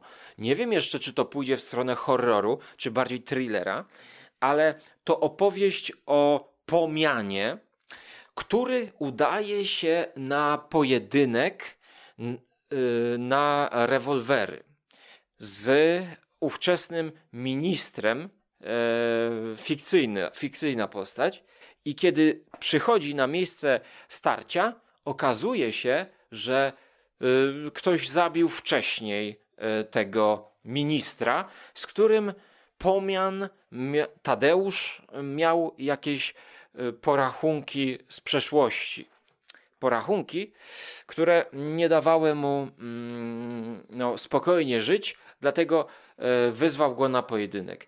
I co się teraz dzieje? Główny bohater popada, jak to u Grabińskiego, w swoiste, powolne szaleństwo. Zaczyna się zastanawiać, czy to tak miało być, że gdyby doszło do pojedynku, pojedynku, tak? To, to, to, to są sceny trochę jak z filmu Ridleya Scotta, pojedynek właśnie, gdzie, e, gdzie na początku się spotykają gdzieś na jakimś bezdrożu, prawda, ze świadkami, żeby, żeby to był pojedynek e, taki honorowy. E, no i on zaczyna sobie wkręcać myśli typu E, skoro on nie żyje, ktoś go zabił, to może ja i tak bym go zabił. Los zrzucił mi e, na plecy e, może jakieś to było szczęście dla mnie, a może teraz to będzie jarzmo. I on zaczyna popadać w jakąś taką dziwną paranoję, zaczyna paradoksalnie wczuwać się w życie tego ministra, zaczyna badać jego losy, E, no i co z tego będzie, to nie wiem, ale jestem bardzo zaintrygowany. Jest to napisane językiem e, pięknym, grabińskim językiem, powiedziałbym. E, mm. Troszkę trącącym może myszką, ale jednak e, oryginalnym w tym kontekście, że jeżeli z, czytamy e, Edgara, e, no to mamy tłumaczenie. A tutaj mamy ten właśnie taki czysty polski język, e, który jest, wiemy, oryginalny, tak jak go autor e, stworzył. Edycja, którą mam, czyli z Biblioteki Grozy, ma trochę przypisów, które tłumaczą jakieś dziwne, rzadko spotykane słowa, więc to się lepiej czyta. No i no, sam Grabiński jest, jest po prostu znakomitym pisarzem czytając to, mam echa jego opowiadań. No i właściwie mam takie odczucie, że jakbym czytał, czytał, to bym się tak wkręcił, że mógłbym znowu siąść do jego opowiadań i, i czytać e, bez końca. Więc jest to też świetna lektura na tak zwane czytanie przy kominku. Um, tak, tak, tak jak w upiornej opowieści Petera Strauba siadali i czytali, a właściwie opowiadali. No właśnie. Mhm. Też właśnie a propos Grabińskiego, też e, trochę już tutaj poza anteną sobie mieliśmy się opiniami o e, najnowszej antologii e, wydanej przez wydawnictwo Zyski Spółka z, z duchami przy wigilijnym stole.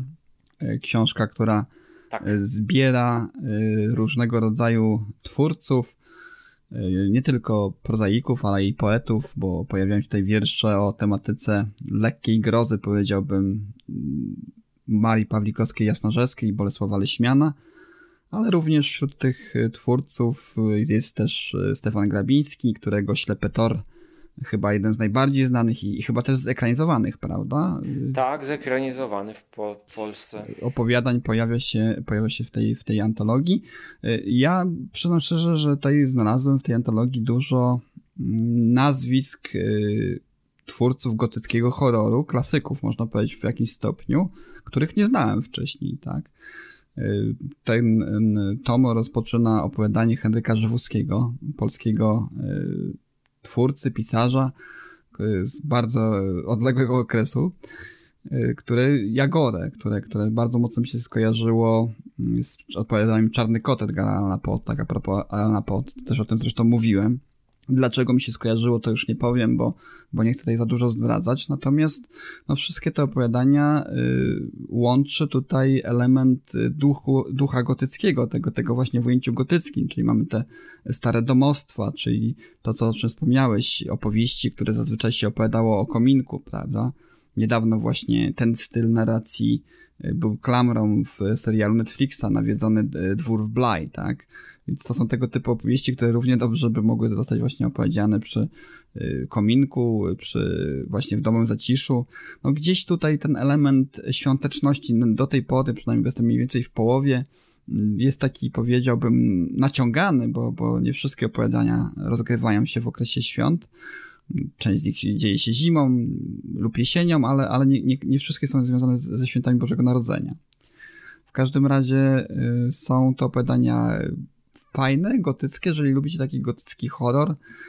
Y, i, i troszeczkę klasyki, no bo też wspomniałem przez ciebie Henry James tutaj również występuje, Tak. prawda?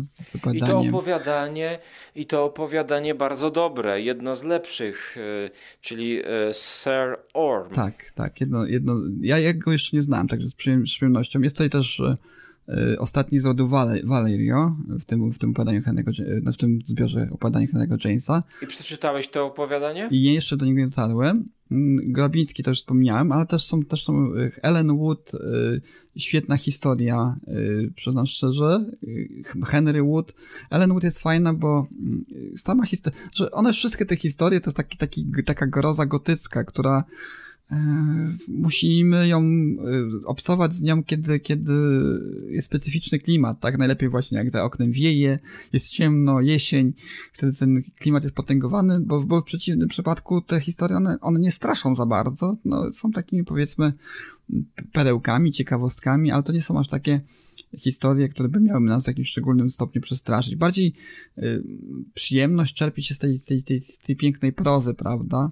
Y, tego, tego No języka. tak, ale groza, y, ale zaliczasz to do grozy. Do tej pory jak przeczytałeś, bo ja na razie przeczytałem tylko y, tutaj pierwszy wiersz. Dusza z ciała wyleciała, na zielonej łące stała, stawszy silno zapłakała. Y, Polski anonim z XV wieku, k- co do którego właśnie y, przed spotkaniem z Michałem Rusinkiem zapytałem, czy, czy to zna. Mm, Przeczytałem mu ten wiersz. Odpowiedział, że no, studentów przepytuje Mhm. tym, tym wierszem jakby, więc, e, więc piękny, piękny wiersz e, na rozpoczęcie. E, I no mam tą antologię i rzeczywiście ten Henryk Grzewuski to będzie coś, co, co zmusiłeś mnie i zachęciłeś, żebym przeczytał.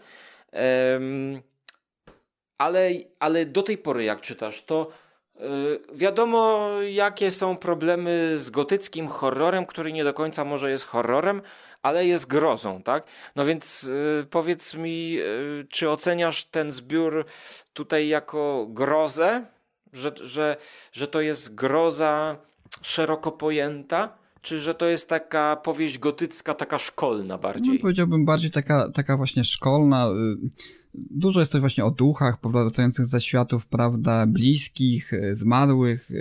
Bardzo mało miejsca to jest na zaskoczenie, tak? Tutaj czytając te opowiadania mniej więcej wiemy, jaki będzie finał tego wszystkiego. Y, Ale to tło kulturowe, ten, ten klimat właśnie tych angielskich posiadłości, prawda, czy nawet tych, tego, tego, tego, polskiego zamczyska, dworu tutaj w opowiadania, opowiadaniu Henryka Żywuskiego, ma to swój urok. Jeżeli właśnie ktoś jest wielbicielem takiej literatury, właśnie Poego, czy też Lovecrafta nawet w jakimś stopniu, y, jest to piękny język, jakkolwiek mówię, przesłanka tutaj nie jest, jest, jest, jest zawsze bardzo czytelna. Jest jakiś powiedzmy duch, który powraca za światów lub objawia się w y, swoim bliskim w godzinie śmierci, prawda? Mm, O czym jeszcze na przykład oni nie wiedzą, myślą, że to żywa istota jest i, i później z tego implikacje jakieś, prawda, wypływające. Dla mnie nie ma takiej y, grozy, która by w jakiś stopniu przestraszyła mocno. To jest ten klimat właśnie, który my lubimy tego horroru. Dzisiaj patrzymy na to z przymrużeniem troszeczkę oka, ale też w jakiś sposób y, y, nadal jest to, jest to, no, trafia do, do, do, do wyobraźni w jakiś sposób. Nie, nie straszy aż tak bardzo, ale czytać to z powodu tego, że to jest tak świetnie napisane, prawda? Że to jest taki właśnie klimat tego, tego języka już, którym się nie operuje i, i, i właśnie migawki ze świata, który już y, poszedł do przeszłości, tak? Jest jedno opowiadanie chociażby, chyba, chyba Ellen Wood, które rozgrywa się w okresie, kiedy Anglia jeszcze była, y, mm, miała kolonie Indi- w Indiach, prawda, te i tam rozgrywa się właśnie w okresie powstania e, Sipajów, tak? Kiedy, kiedy właśnie się zbuntowali, bo nie chcieli, prawda, używać tej amunicji z tłuszczem zwierzęcym, prawda? Zna- Znana, znana historia. E, Jeden właśnie z bohaterów e, tej, tej historii jest tam w trakcie tego i opisuje to, jak, jakie tam ok- okropieństwa się działy w trakcie tego powstania. Amunicja z tłuszczem zwierzęcym? Nie słyszałem tego. Mógłbyś coś powiedzieć Mm, więcej? Musiałbym troszeczkę do, do, do annałów historycznych si- sięgnąć, żeby to dokładnie powiedzieć. Nie chciałbym tutaj jakieś gafy strzelić, ale było, były właśnie część, Okej. część rdzennych mieszkańców Indii y, była wcielona do takich y, oddziałów specjalnych, mm, które były pod y, dowództwem właśnie sił brytyjskich. No i wprowadzono nowe rodzaje amunicji i niestety religia zabraniała niejako używać, korzystać z tłuszczów zwierzęcych, a żeby y, nabić pocisk, prawda, do, tego, do tej flinty, to trzeba było w którymś momencie ten y, nabój wziąć do ust, prawda. Nie wiem, nie wiem dlaczego, nie wiem czy jak to, jak to działo, czy to ze względów praktycznych, czy to czy należało go poślinić, nie, nie wiem, czy, czy nie brnę w jakiś, jakiś ślepy zaułek, ale, ale w każdym razie wywołało to ogromne powstanie właśnie w Indiach, które doprowadziło do rzezi oficerów y, i, i rodzin mieszkających tam brytyjskich, prawda. Powstanie Sipajów, y, no warto sobie, warto sobie y, to obejrzeć. Też gdzieś tam na pewno jakiś film niedawno oglądałem, nawet z Bollywood coś powstało właśnie związane z tym, z tym, z tym słynnym y, powstaniem. No jest to, jest to jedna z dość nieprzyjemnych kart w historii, jeżeli chodzi o, o kolonie brytyjskie, jedną z wielu oczywiście e, tego typu sytuacji. I, I tutaj jest y, wątek właśnie poruszany w jednym z opowiadań. Jeden właśnie z bohaterów opisuje, był tam na miejscu, był jeden z oficerów, prawda, przybliża historię, no oczywiście jest to wplecione w wątek właśnie Ghost Story również, tak. I w którym to opowiadaniu? To jest opowiadanie Ellen Wood, y, Teraz niestety nie, nie pamiętam tytułu, musiałbym to sprawdzić, ale no jest to dość długie opowiadanie, które, którego przesłanka już dość szybko staje się czytelna. My, my jako czytelnicy wiemy, a ono jest właśnie ciekawe z tego, z tego punktu, że opisuje taki, taki właśnie wątek historyczny. Powiem ci, że to jest, to jest ładnie też wydane. To jest takie fajne na prezent, mi się wydaje, pod choinkę. Tak, zwłaszcza dla, dla fanów, yy, dla fanów yy, literatury grozy, bo są to nazwiska, które, które yy, są znane, ale są też nazwiska, które są, podejrzewam, że, no ja, ja, ja lubię gotycki horror, a, a pierwszy raz się spotykam z niektórymi. I tutaj ze, ze wstydem przyznaję, że, że na przykład Henryk Rzewuski, y, szlachcic, prawda, też i, i publicysta, yy, mi nieznany bardziej, a tutaj widzę, że, że jego utwór powstały no, sporo czasu przed po przed zmiankowanym utworem Poego, a tutaj też porusza tematykę, także w Polsce e, horror gotycki narodził się nawet powiedziałbym trochę wcześniej, tak? No właśnie, Polak, e, Polak przed Polak Edgarem Allanem Poe. Tak, e, muszę to przeczytać, muszę to przeczytać i, i sprawdzić samemu. A teraz słuchaj, ze względu, że ja muszę już kończyć mhm. powoli, to chcia... czy mogę jeszcze powiedzieć o dwóch, dwóch rzeczach? Jasne. Mhm. Tak na zakończenie, bo właściwie właściwie ja dzisiaj e, to najbardziej przygotowany byłem, by opowiadać o dzienniku N. Frank, e, który został skomiksowany. Czyli komiks Dziennik N. Frank, który był oparty na dziennikach Żydówki Anny Frank, e, postaci historycznej, który był bestsellerem w pewnym momencie ten, ten dziennik. Więc chciałem powiedzieć o tym komiksie i powiedzieć właściwie też jeszcze, y, bo to też go wypożyczyłem, i może powiedzieć o Zamku Smoków, ale to może na koniec, żeby nie zostawiać takiego smutnego tutaj przesłania, bo no, Anna Frank była e, Żydówką, e, która wraz z rodzicami e, przeniosła się do Amsterdamu e, w 1934 roku e, po przejęciu władzy przez Hitlera.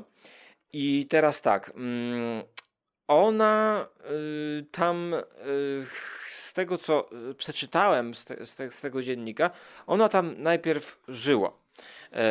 To była Holandia, tak? Ale teraz w 1940 roku prześladowania dotarły również do Holandii podobno. Znaczy, no nie podobno, no, no, rzeczywiście. I oni tam z całą rodziną musieli się ukrywać.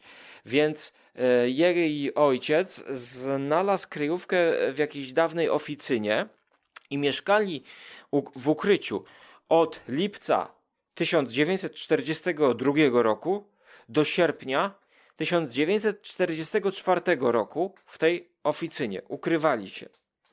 I ten dziennik y, jest to dziennik chyba 12 albo 13-letniej dziewczynki, która dostała e, na urodziny e, dziennik, zeszyt i zaczęła pisać. zaczęła pisać o tym, co jest wokoło. A jako, że wokoło, no było, co było? No było, nic nie było, bo był dom. To ona zaczęła pisać o domu, w którym się ukrywa, e, z, z rodziną, z jakimś e, chłopakiem jeszcze, e, z różnymi ludźmi, którzy tam przychodzą. I jest to perspektywa dziewczynki w świecie strasznym, który my znamy, że jest straszny, ale jest to mm, napisane. E, znaczy, no właściwie e, komiksu nie polecam, e, ale e, trzeba polecić oryginalny dziennik. Ja zawsze omijałem ten dziennik, e, mm, żeby go przeczytać, ale po tym komiksie, e, no mówię, że ja już muszę to przeczytać, chociaż plus jest taki, że w tym komiksie są wyrwane całe strony tego dziennika i po prostu są czasami tak zadaptowane, że jest e, narysowana, wyrwana kartka i tam jest po prostu fragment dziennika oryginalny bez żadnych zmian. No i e, ten dziennik został e, zilustrowany właściwie, nie wiem, przez dwie osoby.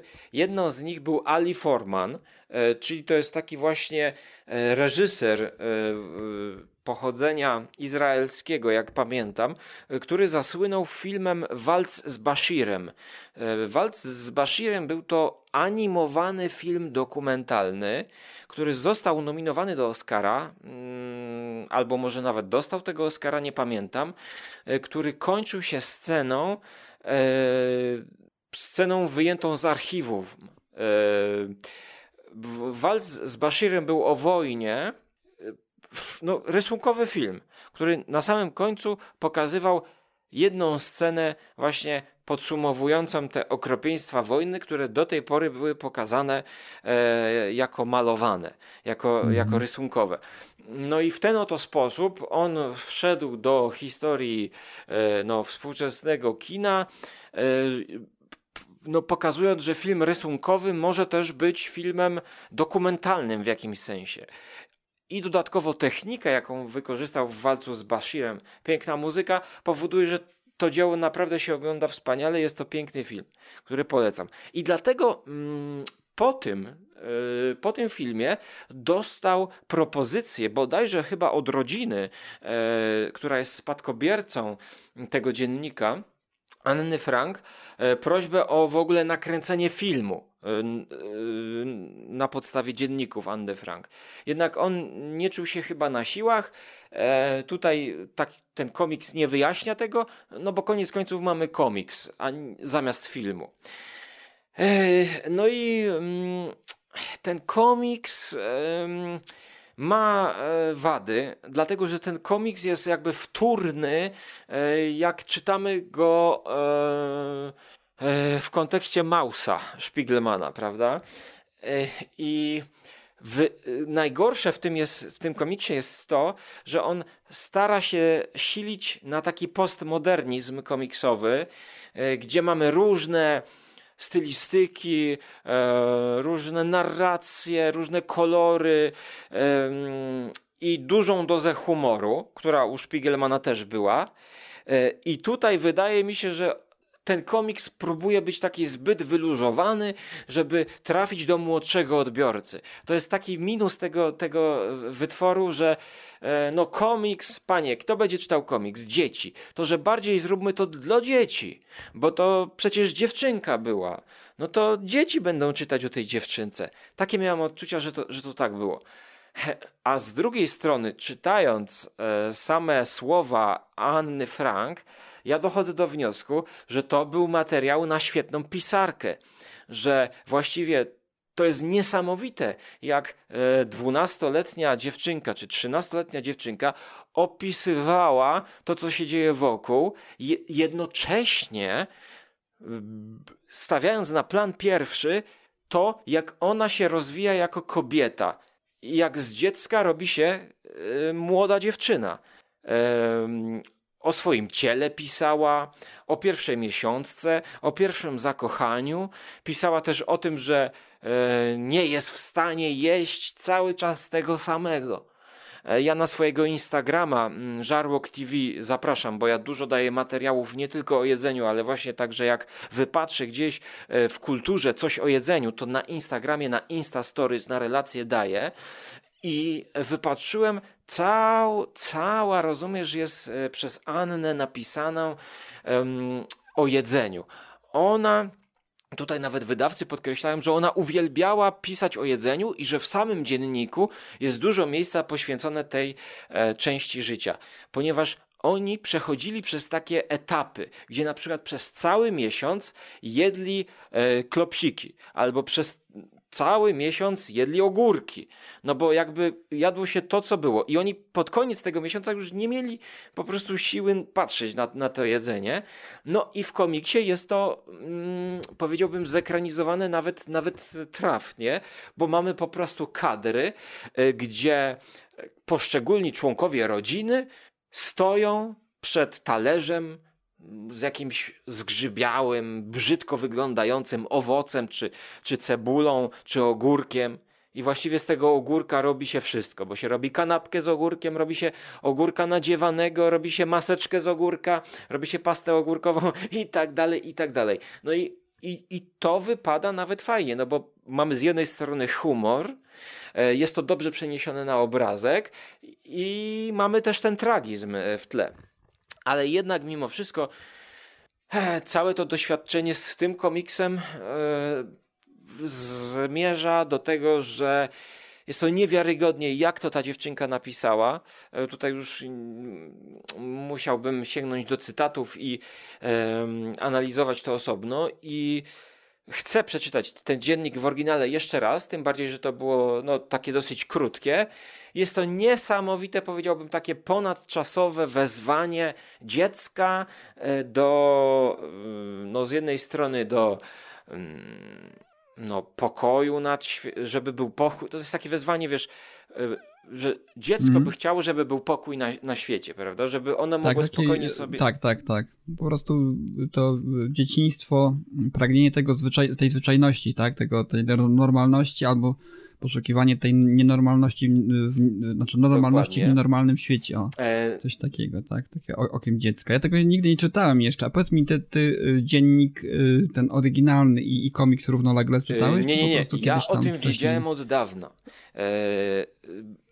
Ja, mhm. bo, no bo to był bestseller, wie, wielokrotnie ekranizowany ten dziennik, znaczy wielokrotnie. No to, to chyba w Ameryce, w, Amery w Ameryce, tak, w Ameryce. Bardzo popularna książka, bo ona w jakimś tam stopniu uświadomiła y, e, Amerykanów odnośnie tego, co się Wiesz działo co, w Europie. No, prawda? Nie jestem historykiem, nie wiem jakby kto kogo pierwszy uświadamiał, jak to było. E, na pewno jest to dokument historyczny z jednej strony, ten jej dziennik, ale szczerze mówiąc mnie to nie interesuje. E, ja jestem, powiedziałbym znowu, człowiekiem ahistorycznym. Jak ty powiedziałeś, że jesteś apolityczny, to ja jestem ahistoryczny. I właśnie e, to, co piękne ja zauważam w tym komiksie, to jest, to, e, no w tym dzienniku, to jest ta, ta literackość, no, że to się czyta po prostu. Można by, można by no, postawić taką tezę, jak jakieś takie, wiesz, jakąś utopię, e, gdzie mamy e, spin-off, powiedzmy, nie wiem, jakiegoś Orwella, gdzie jest dziewczynka zamknięta, która pisze o swoim świecie. To, co ją, wiesz, to jest, to, jest, to jest z jednej strony tak bardzo oderwane od tego, co wydaje nam się, że my będziemy czytać dzienniki wojenne jakieś, yy, yy, od, od, od tej stylistyki, że yy, ją to w ogóle nie interesowało. Y, tak, czy ktoś, czy, czy ci walczą z tamtymi walczą, czy, bo, bo ona miała problemy takiego typu, że wiesz, tam um, zakochała się w chłopaku, który też tam mieszkał w tej oficynie. Um, I no i co tu robić? I teraz um, pytania w ogóle, czy ona się zakochała w nim, bo nie było nikogo innego? A akurat wtedy nastąpił ten przełom, e, że, że ona zaczęła czuć się kobietą, e, zaczęła obserwować swoją urodę i akurat on był, Wiesz, to też pojawiają się takie pytania właśnie, e, jak się tworzy zakochanie samo w sobie. Dlaczego się zakochujemy w kimś? No bo nie było tam nikogo innego, w którym ona by się mogła zakochać. A ona była dziewczynką, która też, właściwie już nie pamiętam, ale ona pisze w tym dzienniku o czasach przed tym E, wejściem do oficynie. Tak więc ona trochę na początku wspomina szkołę. Więc my jakby zaczynamy od tej e, szkoły. E, widzimy ją jak chodzi do szkoły, jeszcze jest pokazana trochę ta normalność co jeszcze bardziej mi jakby obniża jakość samego komiksu, tak jakby mm, chciano pokazać jeszcze ten kontrast. No wydaje mi się, że, że to, to można było zrobić bardziej tak diametralnie, zapomniałem słowa, bardziej tak zdecydowanie, tak jakby jednoznacznie, że tak, tak mm, mm. Takie mam odczucia, a mam te odczucia po, dlatego właśnie, że tutaj jest chyba z 5-6 stron, gdzie jest sam czysty tekst. E, no i oczywiście mhm. smutny koniec, e, jak się domyślasz, e, bo ona koniec końców została odnaleziona i z całą rodziną została przewieziona. Tutaj sięgnę do mm, Wikipedii, gdyż ona. Bergen-Belsen prawdopodobnie. Tak, e, mhm. w obozie została mhm. przewieziona wraz z siostrą do obozu Bergen-Belsen. E, tak jak mówisz, to jest niebie, nie, niemie, niemiecki obóz koncentracyjny. Czekaj, ale Bergen to jest w Niemczech, tak? Tak, w Niemczech. E, I tam e, no, e, dokonała żywota w tym obozie. Obóz przeżył tylko ojciec. No i pamiętnik przechowywany przez Holenderkę, jedną z osób zaangażowanych w pomoc rodzinie Franków, został opublikowany po raz pierwszy w 1947 roku przez Ottona Franka, właśnie jej ojca. tak, który w ogóle założył takie, mm, zapomniałem słowa, nie stypendium, tylko fundację. Mhm. E, fund, fundację mającą na celu, oj, właśnie, yy, kurde, oddałem już ten komiks do biblioteki, ale tam było z tyłu napisane, mhm. jakby taki, taka, taki cel, mm, ładnie ujęte to było, aby, no, Ech, już jestem zmęczony, ale aby ludzie nie zapomnieli. Tak, żeby pamiętali, prawda, tak? Taki... O, mhm, mhm. Ale, ale to było to nawet nie o wojnie, tylko e, to było napisane tak, żeby pamiętali o dzieciach mhm. w ogóle jakoś tak, właśnie, żeby, mm, żeby losy tej Anny. E, żeby uwrażliwić tak, ludzi na to, na to, co się dzieje, bo, tak, bo, bo nadal na, w niektórych regionach świata dzieci. dzieci cierpią właśnie w wyniku działań jakichś wojennych nawet dzisiaj można pewnie znaleźć taki region świata, gdzie, gdzie jakieś dziecko właśnie tak. w wyniku tego. Ten. W ogóle Ann, Ann Frank, Anna Frank przeszła do, do takiej troszeczkę, mm, można powiedzieć, y, popkultury też, bo, pop bo y, nie tak. wiem, czy pamiętasz American Horror Story Asylum, tam pojawia się postać, która tak. twierdzi, tak. że jest Anną Frank, która przeżyła obóz koncentracyjny i, i trafia do tego az azylium, do tego e, szpitala psychiatrycznego. Też no, w stylu właśnie tego, tego serialu jest to poprowadzone. Niektórych może bulwersować to, to, co z tą postacią tam zrobiono, natomiast no, stała się też e, jakimś taką ikoną popkultury w jakimś stopniu, jeżeli można tak mówić o, o, o tej e, biednej dziewczynce, która no, urodziła się i musiała żyć w tak, takich e, no, właśnie więc, trudnych czasach. Ale powiem Ci, że koniec końców dla mnie to było pozytywne przeżycie bo byłem zaskoczony, jak ona e, była dobrą no, pisarką, może to może po prostu, wiesz, to, to nie jest tak, że to byle ktoś napisał, bo weź pod uwagę, że to jest dziewczyna, która sama z siebie zaczęła pisać. E, może trochę rzeczywiście z braku innych rozrywek, e, ale jednak no podejrzewam, że było wiele dzieci w tamtym czasie. Była w tym którzy... dobra też, tak? dobrze się to czyta po, po, po latach. Tak, ale teraz, zauważ, tak? że to jest, Mhm. e, no, no w tamtym czasie wiele innych dzieci też mogło pisać, tak? E, chyba nie było drugiego takiego przypadku. Więc Kto wie, gdyby, gdyby przeżyła wojnę, może, może mielibyśmy Talent. jedną y, z wybitnych pisarek, prawda, klasycznych. Tak. Być może noblistek dzisiaj, nie wiadomo, tak? Więc no, bardzo Nie przykra wiadomo, sprawa. Ale na pewno, no, znaczy powiem ci, że mimo wszystko jej słowa podnoszą na duchu. Jej słowa. Mhm. Więc, więc sięgnijcie. Ja na pewno sięgnę i też z chęcią przeczytałbym jakąś biografię. E, A na koniec już, bo już, że tak powiem, jestem jedną nogą w bibliotece jeszcze przed zamknięciem. e, Rodzinnie, słuchaj, ja, e, żeby właśnie tak rodzinnie się zakończyć, to ja bym podpromował, no może niekoniecznie Zamek Smoków, bo nie, nie wiecie, co to jest Zamek Smoków, a Zamek Smoków jest to mm, stworzone przez Lorenzo Silva, Hlaimar Drach i Luca Ricci gra planszowa, którą z biblioteki wypożyczyłem e, na święta. No, no, gry planszowe mm, cenowo wyglądają powiedzmy od 50 do 200-300 zł, dlatego wypożyczenie, żeby powiedzmy raz zagrać, przetestować jest świetnym wyborem. I teraz jeszcze tak, taka dygresja, e, jeśli chodzi o biblioteki. Byłem, e, nie pamiętam ile lat temu, e, w Austrii. O, z 8 lat temu, powiedzmy. Z 10 może jakoś tak. W Austrii, w Gracu. E, Grac jest to miejscowość, gdzie jest takie stare miasteczko, góra i z tej góry widać, że to jest taki powiedzmy, no nie wiem, trochę Kraków, tylko bez wysokich budynków. I wśród tych miasteczek, domków jest e, coś jakby z Teda Changa, Arrival e, filmu. Czyli budynek okrągły. E, Tak zwana architektura spadochronowa to się nazywa. Zapomniałem już, to, to znany architekt, wy, wypadło mi teraz z głowy. E, po prostu taka kula, mm, kula ze szkła, która wygląda jak taki blob, który spadł i stoi i jest zupełnie niedopasowany. I między innymi w tym budynku właśnie było biblioteka.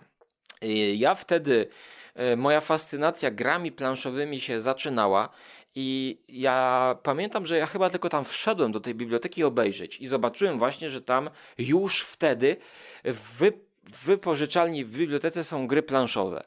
I ja sobie wtedy pomyślałem, no niesamowite, kiedy to u nas w Polsce będzie dopiero, że to, to jest właśnie świetne miejsce, żeby te gry planszowe też były obok książek. E, No i no, okazało się, że, znaczy okazało się, no dla mnie jest to trochę takie mm, dwuznaczne, bo e, Kraków zdecydował się przeznaczyć e, chyba 50 tysięcy złotych, e, żeby kupić za ty, tyle pieniędzy gry planszowe i żeby były mm, w bibliotekach. No i no szczerze mówiąc, te 50 tysięcy złotych moim zdaniem można by lepiej e, zainwestować, bo jednak gry planszowe, e, rozrywka, no nie wydaje mi się, że to jest pierwsza potrzeba i że nie jest to potrzeba, którą e, państwo e, powinno mi zapewniać. No ale jak już jest, to nie mogłem się powstrzymać, że- żeby, żeby nie wypożyczyć. I Zamek Smoków jest to gra, w którą zagram w święta, a jest to połączone z klasyką, tak zwanym mahjongiem. Tutaj zapewne kojarzysz z polskich filmów, na przykład u Wajdy, czy nawet w lalce pojawiał się mahjong. I, I to, ten Zamek Smoków jest taką trochę uproszczoną wersją, e, gdzie mamy te kafelki i sobie dobieramy te kafelki i budujemy taki swój zamek, e, zbierając punkty. E, Jestem bardzo ciekawy, jak to się będzie grało. No, ale właśnie pod względem wizualnym i takim historycznym, to Zamek Smoków pokazuje, że gry planszowe mogą w jakiś sposób sięgać do korzeni, e, właśnie do tej klasycznej mahjongowej układanki, e, która jest szanowana, no, szanowana, no bo to mahjong, mahjong, ale też pokazać to w taki bardziej dostępny sposób, przystępny, łatwiejszy być może dla e, moich Ładnie domowników. to wygląda. Właśnie, sobie przeglądam. y, Dużo elementów, y, różnych kostek. y, I, i Grafiki to- takie nowoczesne bardziej, nie? Takie Tak, ale minima... taka jest orien- orientalna, nie? Czyli Mhm. nawiązująca do, do oryginału. Bardzo ładnie to wygląda, oczywiście. No fajnie, że w bibliotekach Tak. można i gry planszowe wypożyczyć. To jest też jedna z tych rzeczy, które, które ja popieram jak najbardziej, gry planszowe.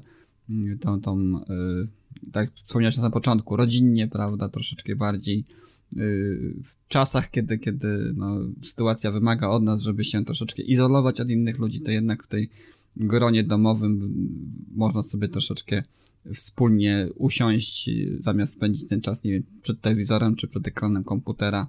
Jestem wielkim, wielkim, wielkim fanem gier planszowych z racji tego, że niestety y, nie mam zbyt dużo tutaj w moim otoczeniu osób, które pasjonują się planszówkami. Gram zazwyczaj w planszówki online. Są też Mhm, takie specjalne programy, które, które pozwalają w zasadzie zagrać w każdą g- grę, k- odpowiednik każdej gry online.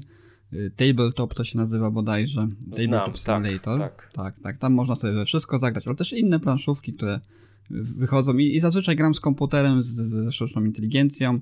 No ale jeżeli jest taka okazja, to, to jak najbardziej y, sięgam po planszówki. Moim ostatnim takim odkryciem jest karcianka znowu. Jaka? Grałem tutaj z, z moimi bliskimi, kiedy, kiedy jeszcze loty umożliwiały im tutaj y, pobyt y, w Wielkiej Brytanii. Karcianka to jest Monopol Blitz bodajże. To jest chyba najlepszy monopol, w jaki grałem. Tutaj nie będę zasad teraz opisywał. One są w zasadzie proste, ale, ale takie specjalne ujęcie y, monopolu, które pozwala na takie szyb, szybkie y, 15-minutowe rozgrywki. Naprawdę Aha. świetna, y, świetne przeniesienie tej koncepcji monopolu do gry karcianej. No tak, bo Monopol miał ten minus, że po prostu mógł trwać i trwać i trwać. A właśnie karcianka szybko pozwala na szybkie rozkręcenie rozgrywki, szybki finał. Też dużo fajnych strategii można w tą, w tą grę, mimo że gra jest prosta, idea jest prosta tej gry, to, to, to na, pozwala na masę strategii. Jeżeli gdzieś e, kiedyś e, traficie na, na Monopol Blitz, to no, w moim, zdaniem, moim zdaniem gram w różne monopole, po, począwszy jeszcze od tego wydawanego jeszcze bodajże w latach 80. lub na początku lat 90 eurobiznesu, czy też tam e, tej, bo była też taka wersja Monopolu w kosmosie wydawana w Polsce. E, To wszystkie te gry pod e, tym właśnie Monopol Blitz e, się uginają, bo, bo to jest moim, moim zdaniem najlepsze ujęcie tej, tej koncepcji, którą gra, daje gra Monopol, Monopoli. Polecam. To, to całkiem niedawno na to trafiłem i, i jestem bardzo zadowolony. No ale tak jak powiedziałem, fajnie, że w bibliotekach można sobie również na święta czy na weekendy w tej chwili wypożyczać e, gry e, planszowe. Super To sprawa. jeszcze jak wspominasz o Monopolu, za którym ja nie przepadam, to jeszcze poleciłbym e, takie może w klimatach handlowych e, poleciłbym wysokie napięcie, gdzie handlujemy i kupujemy elektrownie.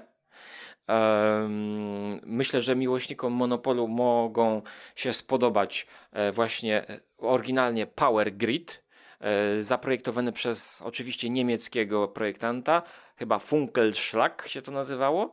E, Budujemy, budujemy elektrownię i dostarczamy prąd e, mieszkańcom danych miast. E, To jest właśnie taka e, też e, ekonomiczna gra.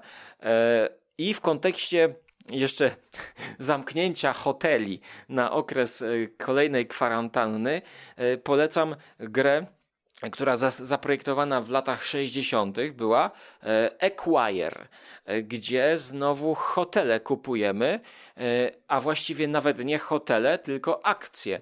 I jest to gra Acquire, wielokrotnie wydawana, e, gdzie dołożono element akcji, taki giełdowy, że my nie kupujemy konkretnego hotelu, tylko mamy akcje. I ten, kto ma więcej akcji danej sieci hotelowej, no to y, zbiera profity. No a oprócz tego można jeszcze y, hotele, same budynki budować na planszy, no i tam właśnie mieszać, mieszać dodatkowo. Bardzo ciekawa gra, nadal jakby się nie zestarzała. Atskuire.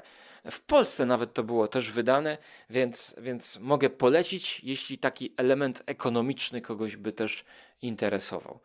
No tośmy tak, pogadali. Przy okazji jeszcze o planszówki zahaczyliśmy. E, dziękuję Tobie za wizytę, dziękuję też oczywiście naszym słuchaczom i dziękuję słuchaczom Radia Islanders, gdzie ten odcinek również zostanie mm, wy wyemitowany. E, zapraszam też na konglomerat, też za chwilę Tobie oddam mm, głos, jeszcze zaprosić swoich naszych słuchaczy do swoich audycji, mm, oczywiście też na kanał Żarłok TV. Natomiast też, jeżeli będziecie chcieli wesprzeć naszego gościa w, swoje, w jego dziele, prawda, również możecie zostać jednymi z jego patronów, gdzie tak jak już y, tutaj słyszeliście w dzisiejszym naszym odcinku, y, zapewnia wam to dostęp do y, materiałów w pierwszej kolejności, materiałów ekskluzywnych, Także może jeszcze kilka słów na koniec o tym i, i zaproś jeszcze naszych słuchaczy, gdzie można mm, znaleźć Ciebie i w jaki sposób wysłuchać tych audycji. Tak, jeśli chodzi o audycję, to audycja skóry E, trzeba wpisać na Patronite, aczkolwiek zauważyłem, że tworzą się pewne problemy, bo audycja z kury. Ja się nazywam Skóra, ale jako, że często daje sygnał e, kurczaka, to po prostu jest z kury. Audycja z kury. Mhm. Tam e, staram się publikować zawsze przedpremierowo materiały, no i też materiały tylko dla patronów. Natomiast e, w przyszłości planuję też rozkręcić Patronite e, dla Żarłok TV e, z, znowu z dodatkowymi filmami dla ludzi, których interesuje gastronomia. To może mhm. wyglądać dosyć nieciekawie dla kogoś, kto nie siedzi albo słyszy, słucha mnie pierwszy raz. I właśnie takim ludziom poleciłbym wstukać w YouTubie e, film e, pod tytułem Ed Red e, Dania konserwowe, gdzie, gdzie mhm. pokazuje kucharza i właściciela sieci restauracji w Polsce, który miał restaurację w Warszawie, w Krakowie. Miała być kolejna miejscówka otwarta gdzie facet opowiada, jak zmienił swój e, model biznesowy, żeby przetrwać. I w mojej ocenie, a jadłem te konserwy jego, to nie są konserwy, które kupilibyście w sklepie. To są po prostu restauracyjne dania, które on zamknął w konserwie bez konserwantów, bo korzysta z metody konserwowania, która była wymyślona bodajże specjalnie dla Napoleona.